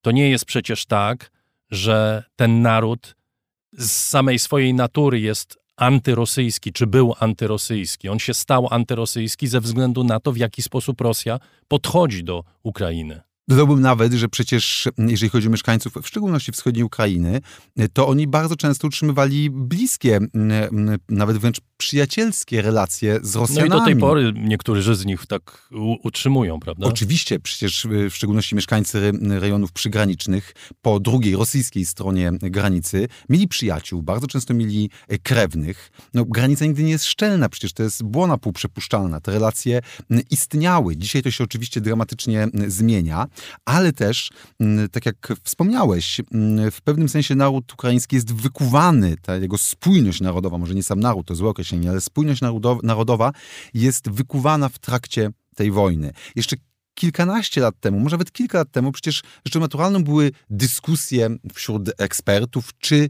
jest jedna Ukraina, czy może są dwie Ukrainy, czy ona jest podzielona, wschód, zachód, jak one się do siebie wzajemnie mają. Dzisiaj trochę takie rozmowy zaczynają wydawać nam się pewnego rodzaju archeologią. Faktycznie ta wojna mm, jednoczy naród ukraiński, ale też bardzo silnie mm, jednoczy kulturę ukraińską. I wydaje mi się też, że Ukraińcy coraz mocniej doceniają wagę kultury. W momencie, kiedy ona stała się zagrożona, kiedy jest niszczona, to Ukraińcy zdają sobie sprawę, jak ważne jest to dziedzictwo. Szczególnie, że część z tego dziedzictwa niestety została utracona. Wiele miejsc jest na terenach okupowanych. Mm, z kolei zbiory muzealne z terenów, które były okupowane, a zostały wyzwolone, e, została częściowo rozgrabiona. To jest chociażby przypadek mm, muzeów w Chersoniu, chyba taki najgłośniejszy, ale nie tylko. Grabione były muzea również w innych miejscach na terenach okupowanych, jak chociażby na okupowanych terenach mm, rejonu charkowskiego. I tutaj widać, że Rosjanie z jednej strony niszczą kulturę e, ukraińską, z drugiej strony kradną kradną to, co mogą mm, ukraść. A czy my wiemy, co się dzieje z tymi dziełami sztuki wywiezionymi przez Rosjan? Tutaj informacje są mm, bardzo szczątkowe. Wiadomo, że chociażby mm, przynajmniej część zbiorów z muzeów hersońskich trafiła na Krym. E, nie do końca wiadomo, co stało się z bezcennymi zbiorami archeologicznymi z muzeum w Melitopolu. E, pojawiają się również informacje, y, że niektóre dzieła sztuki mogą e, już w tym momencie pojawiać się na czarnym rynku. Po prostu wprowadzane są w nielegalny sposób do, do obrotu. Także tak mówię, te informacje są szczątkowe, niestety. I tak no właśnie, by nie jesteśmy na razie w stanie oszacować strat, prawda? Bo pokazujecie w filmie bardzo różne placówki, od placówek lokalnych, takich bardzo regionalnych, do dużych obiektów, takich jak na przykład katedra w Odessie, prawda? Nie jesteśmy na takim etapie, żeby zebrać to wszystko w jakąś całość i określić, oszacować straty kultury y, ukraińskiej. Tak, to w tym momencie nie jest możliwe. To znaczy, strona ukraińska podaje, że zniszczonych zostało ponad 800 różnego rodzaju obiektów. Dane podawane oficjalnie przez UNESCO są niższe. To jest liczba powyżej 300, około 400, już nie wchodząc w szczegóły, no UNESCO o wiele bardziej, powiedziałbym, skrupulatnie stara się to, to musi być bardzo mocne potwierdzenie, żeby UNESCO podało, że jakiś obiekt rzeczywiście został mm, zniszczony. No ale oczywiście to są informacje, które dotyczą e, tylko i wyłącznie terenów, które w tym momencie są kontrolowane mm, przez Ukrainę. E, to... A co się dzieje z muzeami na terenach okupowanych, czy my wiemy? Pojawiają się takie informacje, jeżeli chodzi o muzea na przykład w Ługańsku czy y, Starobielsku. Niektóre z tych zbiorów wcześniej udało się ewakuować, y, inne zbiory gdzieś zaginęły. W miejsce tych dawnych ekspozycji ukraińskich wprowadzane są nowego rodzaju do tych muzeów wystawy, nowe eksponaty, które mają budować tę rosyjską narrację o tej odwiecznej przynależności tych terenów do mm, ruskiego mira, do tej wielkiej rosyjskiej mm, macierzy. Przy czym, tak jak powiedziałem, to są też informacje, no, które pojawiają się tylko i wyłącznie często dzięki samym muzealnikom, na przykład tym, którzy mają, którzy uciekli, ale mają tam jeszcze kontakty. Przecież na tych terenach okupowanych też są oczywiście e, mieszkańcy proukraińscy, którzy starają się monitorować, co się dzieje, chociażby jeżeli chodzi o placówki e, kulturalne. No ale ta wiedza jest bardzo niepełna, także my tego w tym momencie absolutnie nie jesteśmy w pełni w stanie ocenić. Ponadto no, każdy dzień w zasadzie przynosi informację o tym, że jakiś nowy obiekt e, został zniszczony, także pomimo tego, że my pracę nad filmem, jeżeli chodzi o zdjęcia, skończyliśmy we wrześniu, to to już jest nieaktualne tak naprawdę. Mówiąc wprost, będę tutaj szczery z widzami, bo od września wiele się wydarzyło. Już kolejne miejsca, nie wiem, biblioteka na przykład w Chersoniu mm, została mm, zbombardowana. E, także mm, tutaj również instytucje międzynarodowe, takie jak UNESCO, czy nawet Smithsonian Institute, który zaczął się zajmować tą e, tematyką, miałem okazję rozmawiać z badaczami z Smithsonian Institute, nie są tego w stanie w pełni oszacować. Zresztą Hersoń to jest chyba ciekawy przykład, dlatego że no, jest to miasto, które było okupowane, zostało odbite. Też wiemy, w jaki sposób Rosjanie podchodzą do osób pracujących w tych placówkach, prawda? To znaczy, one są albo zmuszane do tego, żeby realizować te nowe projekty prorosyjskie, nazwijmy to, albo wymieniane na tych, którzy się na to zgodzą. Tak, dokładnie takie procesy zeszły w Chersoniu, chociażby w Regionalnym Muzeum e, Sztuki, gdzie po prostu mm, samej dyrektor groziło albo więzienie, albo, albo śmierć. Ona musiała mm, uciekać, chociaż wcześniej te zbiory ukryto. Wydawało się, że dobrze. Niestety, mm, z uwagi na informacje od kolaborantów, Rosjanom udało się odnaleźć te zdeponowane zbiory i z tego muzeum je wykraść. Ja miałem też okazję poznać historię muzeum w Kupiańsku. Kupiańsk to jest miasto na granicy obwodu charkowskiego i Łuchańskiego, które zostało wyzwolone w wyniku skutecznej kontrofensywy na jesieni zeszłego roku. Dyrektor, która tam została, ona pracowała przez cały okres okupacji, jej udało się część zbiorów ukryć, zachować. I tutaj no, pewnego rodzaju takie bardzo ponure postscriptum do tego, co się wydarzyło, ponieważ ja rozmawiałem z jej córką, która opowiadała, że po wyzwoleniu mama wyjechała do Charkowa, ale po jakimś czasie otrzymała telefon z Kupiańska z prośbą, czy mogłaby wrócić i zająć się tym muzeum.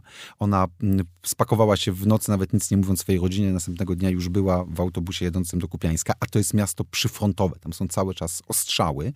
I w kwietniu tego roku to muzeum zostało mm, zaatakowane i trafione dwoma rakietami typu S-300 mm, i w tym ataku zginęła ta pani dyrektor i jej współpracownica Mm, rakieta uderzyła dokładnie w ich mm, gabinet. Ja ostatnio nawet rozmawiałem z trzecią osobą, która była w tym gabinecie. Ona ocalała, cudem ocalała mm, z tego ataku. No to pokazuje, Rosjanie najpierw coś zajęli, rozgrabiali zbiory, kiedy zostali wyparci, no to w jakimś akcie zemsty, skoro już nie możemy tego kontrolować, to przynajmniej to, to zniszczymy. Także pani dyrektor tego muzeum przeżyła całą okupację, a zginęła w rosyjskim ataku już po wyzwoleniu Kupiańska. Pytanie brzmi, czy na Ukrainie jest świadomość wagi zachowania tych dzieł i tych y, muzeów. To jest oczywiście kraj w stanie wojny. Gdy kraj znajduje się w stanie wojny, to jest mnóstwo różnych rzeczy, o które trzeba zadbać. Y, zwykle takie dziedziny jak kultura cierpią na tym, bo większość mężczyzn, ci, którzy się nadają, idą na wojnę kobiety też mają inne rzeczy do robienia niż zajmowanie się dziełami sztuki. Czy na Ukrainie jest, czy istnieje proces, w ramach którego próbuje się ratować y, te dzieła, które można uratować? W mojej ocenie jednak tutaj państwo zadziałało na tym poziomie, jeżeli chodzi o ochronę tych zbiorów. Część z nich została już w pierwszych dniach wojny e, ewakuowana. Niektóre zostały ewakuowane, wywiezione chociażby na przykład do, e, do, do Polski. Duża część z nich została przeniesiona do miejsc takich jak Lwów, które znajdują się daleko od linii frontu, ale również w bardzo wielu małych muzeach, bo dla nas też ważne w tym filmie było pokazać te, te małe miejscowości. Nie skupiać się tylko na tych najbardziej znanych obiektach, o których się mówi, dyskutuje, ale pokazać, że przecież są małe regionalne muzea gdzieś w jakimś miasteczku, w jakiejś, często w jakiejś wiosce. I ja tam spotykałem ludzi, którzy właśnie, dwie panie muzealniczki, które w takiej miejscowości Peczenichy, to jest miejscowość też w obwodzie charkowskim, pokazywały, jak zniosły do piwnic niemalże własnymi rękami wszystko to, co było w gablotach, schowały to w podziemiach. Także z jednej strony to było działanie państwa, ale z drugiej strony mam wrażenie, że to często były oddolne inicjatywy. I wiele tych zbiorów cały czas jest chronionych, jak na przykład w muzeum w Baturynie. Baturyn Dawna twierdza kozacka, mm, symbol też okrucieństwa Rosjan. Baturyn został mm, zaatakowany, zdobyty przez wojska rosyjskie jeszcze na początku XVIII wieku, w trakcie Wielkiej Wojny Północnej. I Rosjanie zamordowali wszystkich mieszkańców, kilkanaście tysięcy osób, w tym e, kobiety, dzieci, osoby starsze. Dzisiaj w krypcie tamtejszej cerkwi znajdują się kości ofiar tej, tej rzezi, jak tak określenie rzezi, rzezi Baturynu, e, ale, i to mi też powiedziały osoby, które tam pracowały, my zbiorów nie, pomimo tego, że linia frontu jest daleko, ale my nie chcemy e, przywracać zbiorów, nie chcemy otwierać naszego muzeum, bo wiemy, że to jest miejsce, które mówi o ukraińskiej tożsamości. Rosjanie też o tym wiedzą. Boimy się, że w każdej chwili tutaj może przylecieć rakieta, tutaj mogą przylecieć drony kamikadze. Lepiej, żeby te zbiory e, były ukryte, schowane, choć oczywiście nie zawsze to się udaje. Przypomniałem sobie kolejne muzeum, miejscowość Wierchni e, Salki, w zbiory archeologiczne z okresu e, państwa Hazarów, które niestety nie zostały, nie, nie, nie udało się ich ewakuować. Muzeum zostało zbombardowane. Przerażający widok, kiedy się wchodzi. My tam byliśmy z archeologiem, który poświęcił 20 lat życia na tych wykopaliskach pracując i on w pewnym momencie podniósł gdzieś w, w jakichś w gruzach leżały jakieś takie małe fragmenty czegoś. No dla nas to pewnie bez wartości. Ona to spojrzał, mówi, jejku, to jest fragment lusterka, to jest fragment zbroi. I ten dorosły mężczyzna się rozpłakał. Powiem mówiąc, całe moje życie, całe moje życie ja pracowałem, ja chciałem chronić te rzeczy, a dzisiaj one zostały zniszczone. 20 lat mojego życia przestało istnieć z powodu rosyjskiego ataku. Tę i inne historie będą Państwo mogli obejrzeć w filmie Tomasza Grzybaczewskiego Wymazać Naród, Erase the Nation. Film jest, po to podaję ten tytuł angielski, bo film jest po angielsku. Na jakim etapie jesteśmy? W tym momencie kończymy montaż. Myślę, że potrzebujemy jeszcze około dwóch, trzech tygodni. Oczywiście film będzie dostępny również w polskiej mm, wersji językowej. Ja tylko chciałem dodać jeszcze jedną rzecz. W filmie pokazujemy też artystów, którzy walczą na froncie. To jest bardzo ważny element. Ludzie kultury, chociażby nasz bohater Michał Łosawicki, aktor, muzyk, który dzisiaj e, po prostu z karabinem w ręku broni swojej ojczyzny. On specjalnie mm, zdecydował się dla nas w okopach na pozycji zerowej, półtora kilometrów od Rosjan, w krótkiej przerwie między naprowadzeniem artylerii, nagle wyciągnął z plecaka skrzypce i zagrał hymn mm, Ukrainy. E, I dla nas to był taki nie tylko symbol, ale po prostu widoczny znak tego, że ukraińska kultura nie jest wymazywana, że ukraińska kultura walczy, broni się i ja myślę, że zwycięży. Ta scena też w filmie jest. E, zachęcam Państwa do zobaczenia, kiedy film będzie dostępny. Tomasz Grzywaczewski, reporter, również pisarz, e, był gościem raportu o stanie świata. Dziękuję bardzo. Serdecznie dziękuję za rozmowę, a Państwu za uwagę.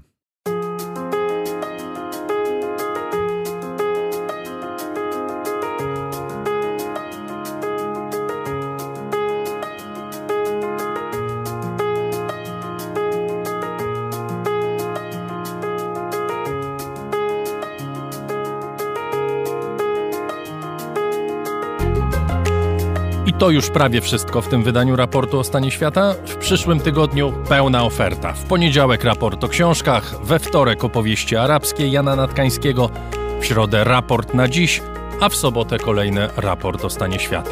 Dużo słuchania, mam nadzieję, że każdy znajdzie coś dla siebie.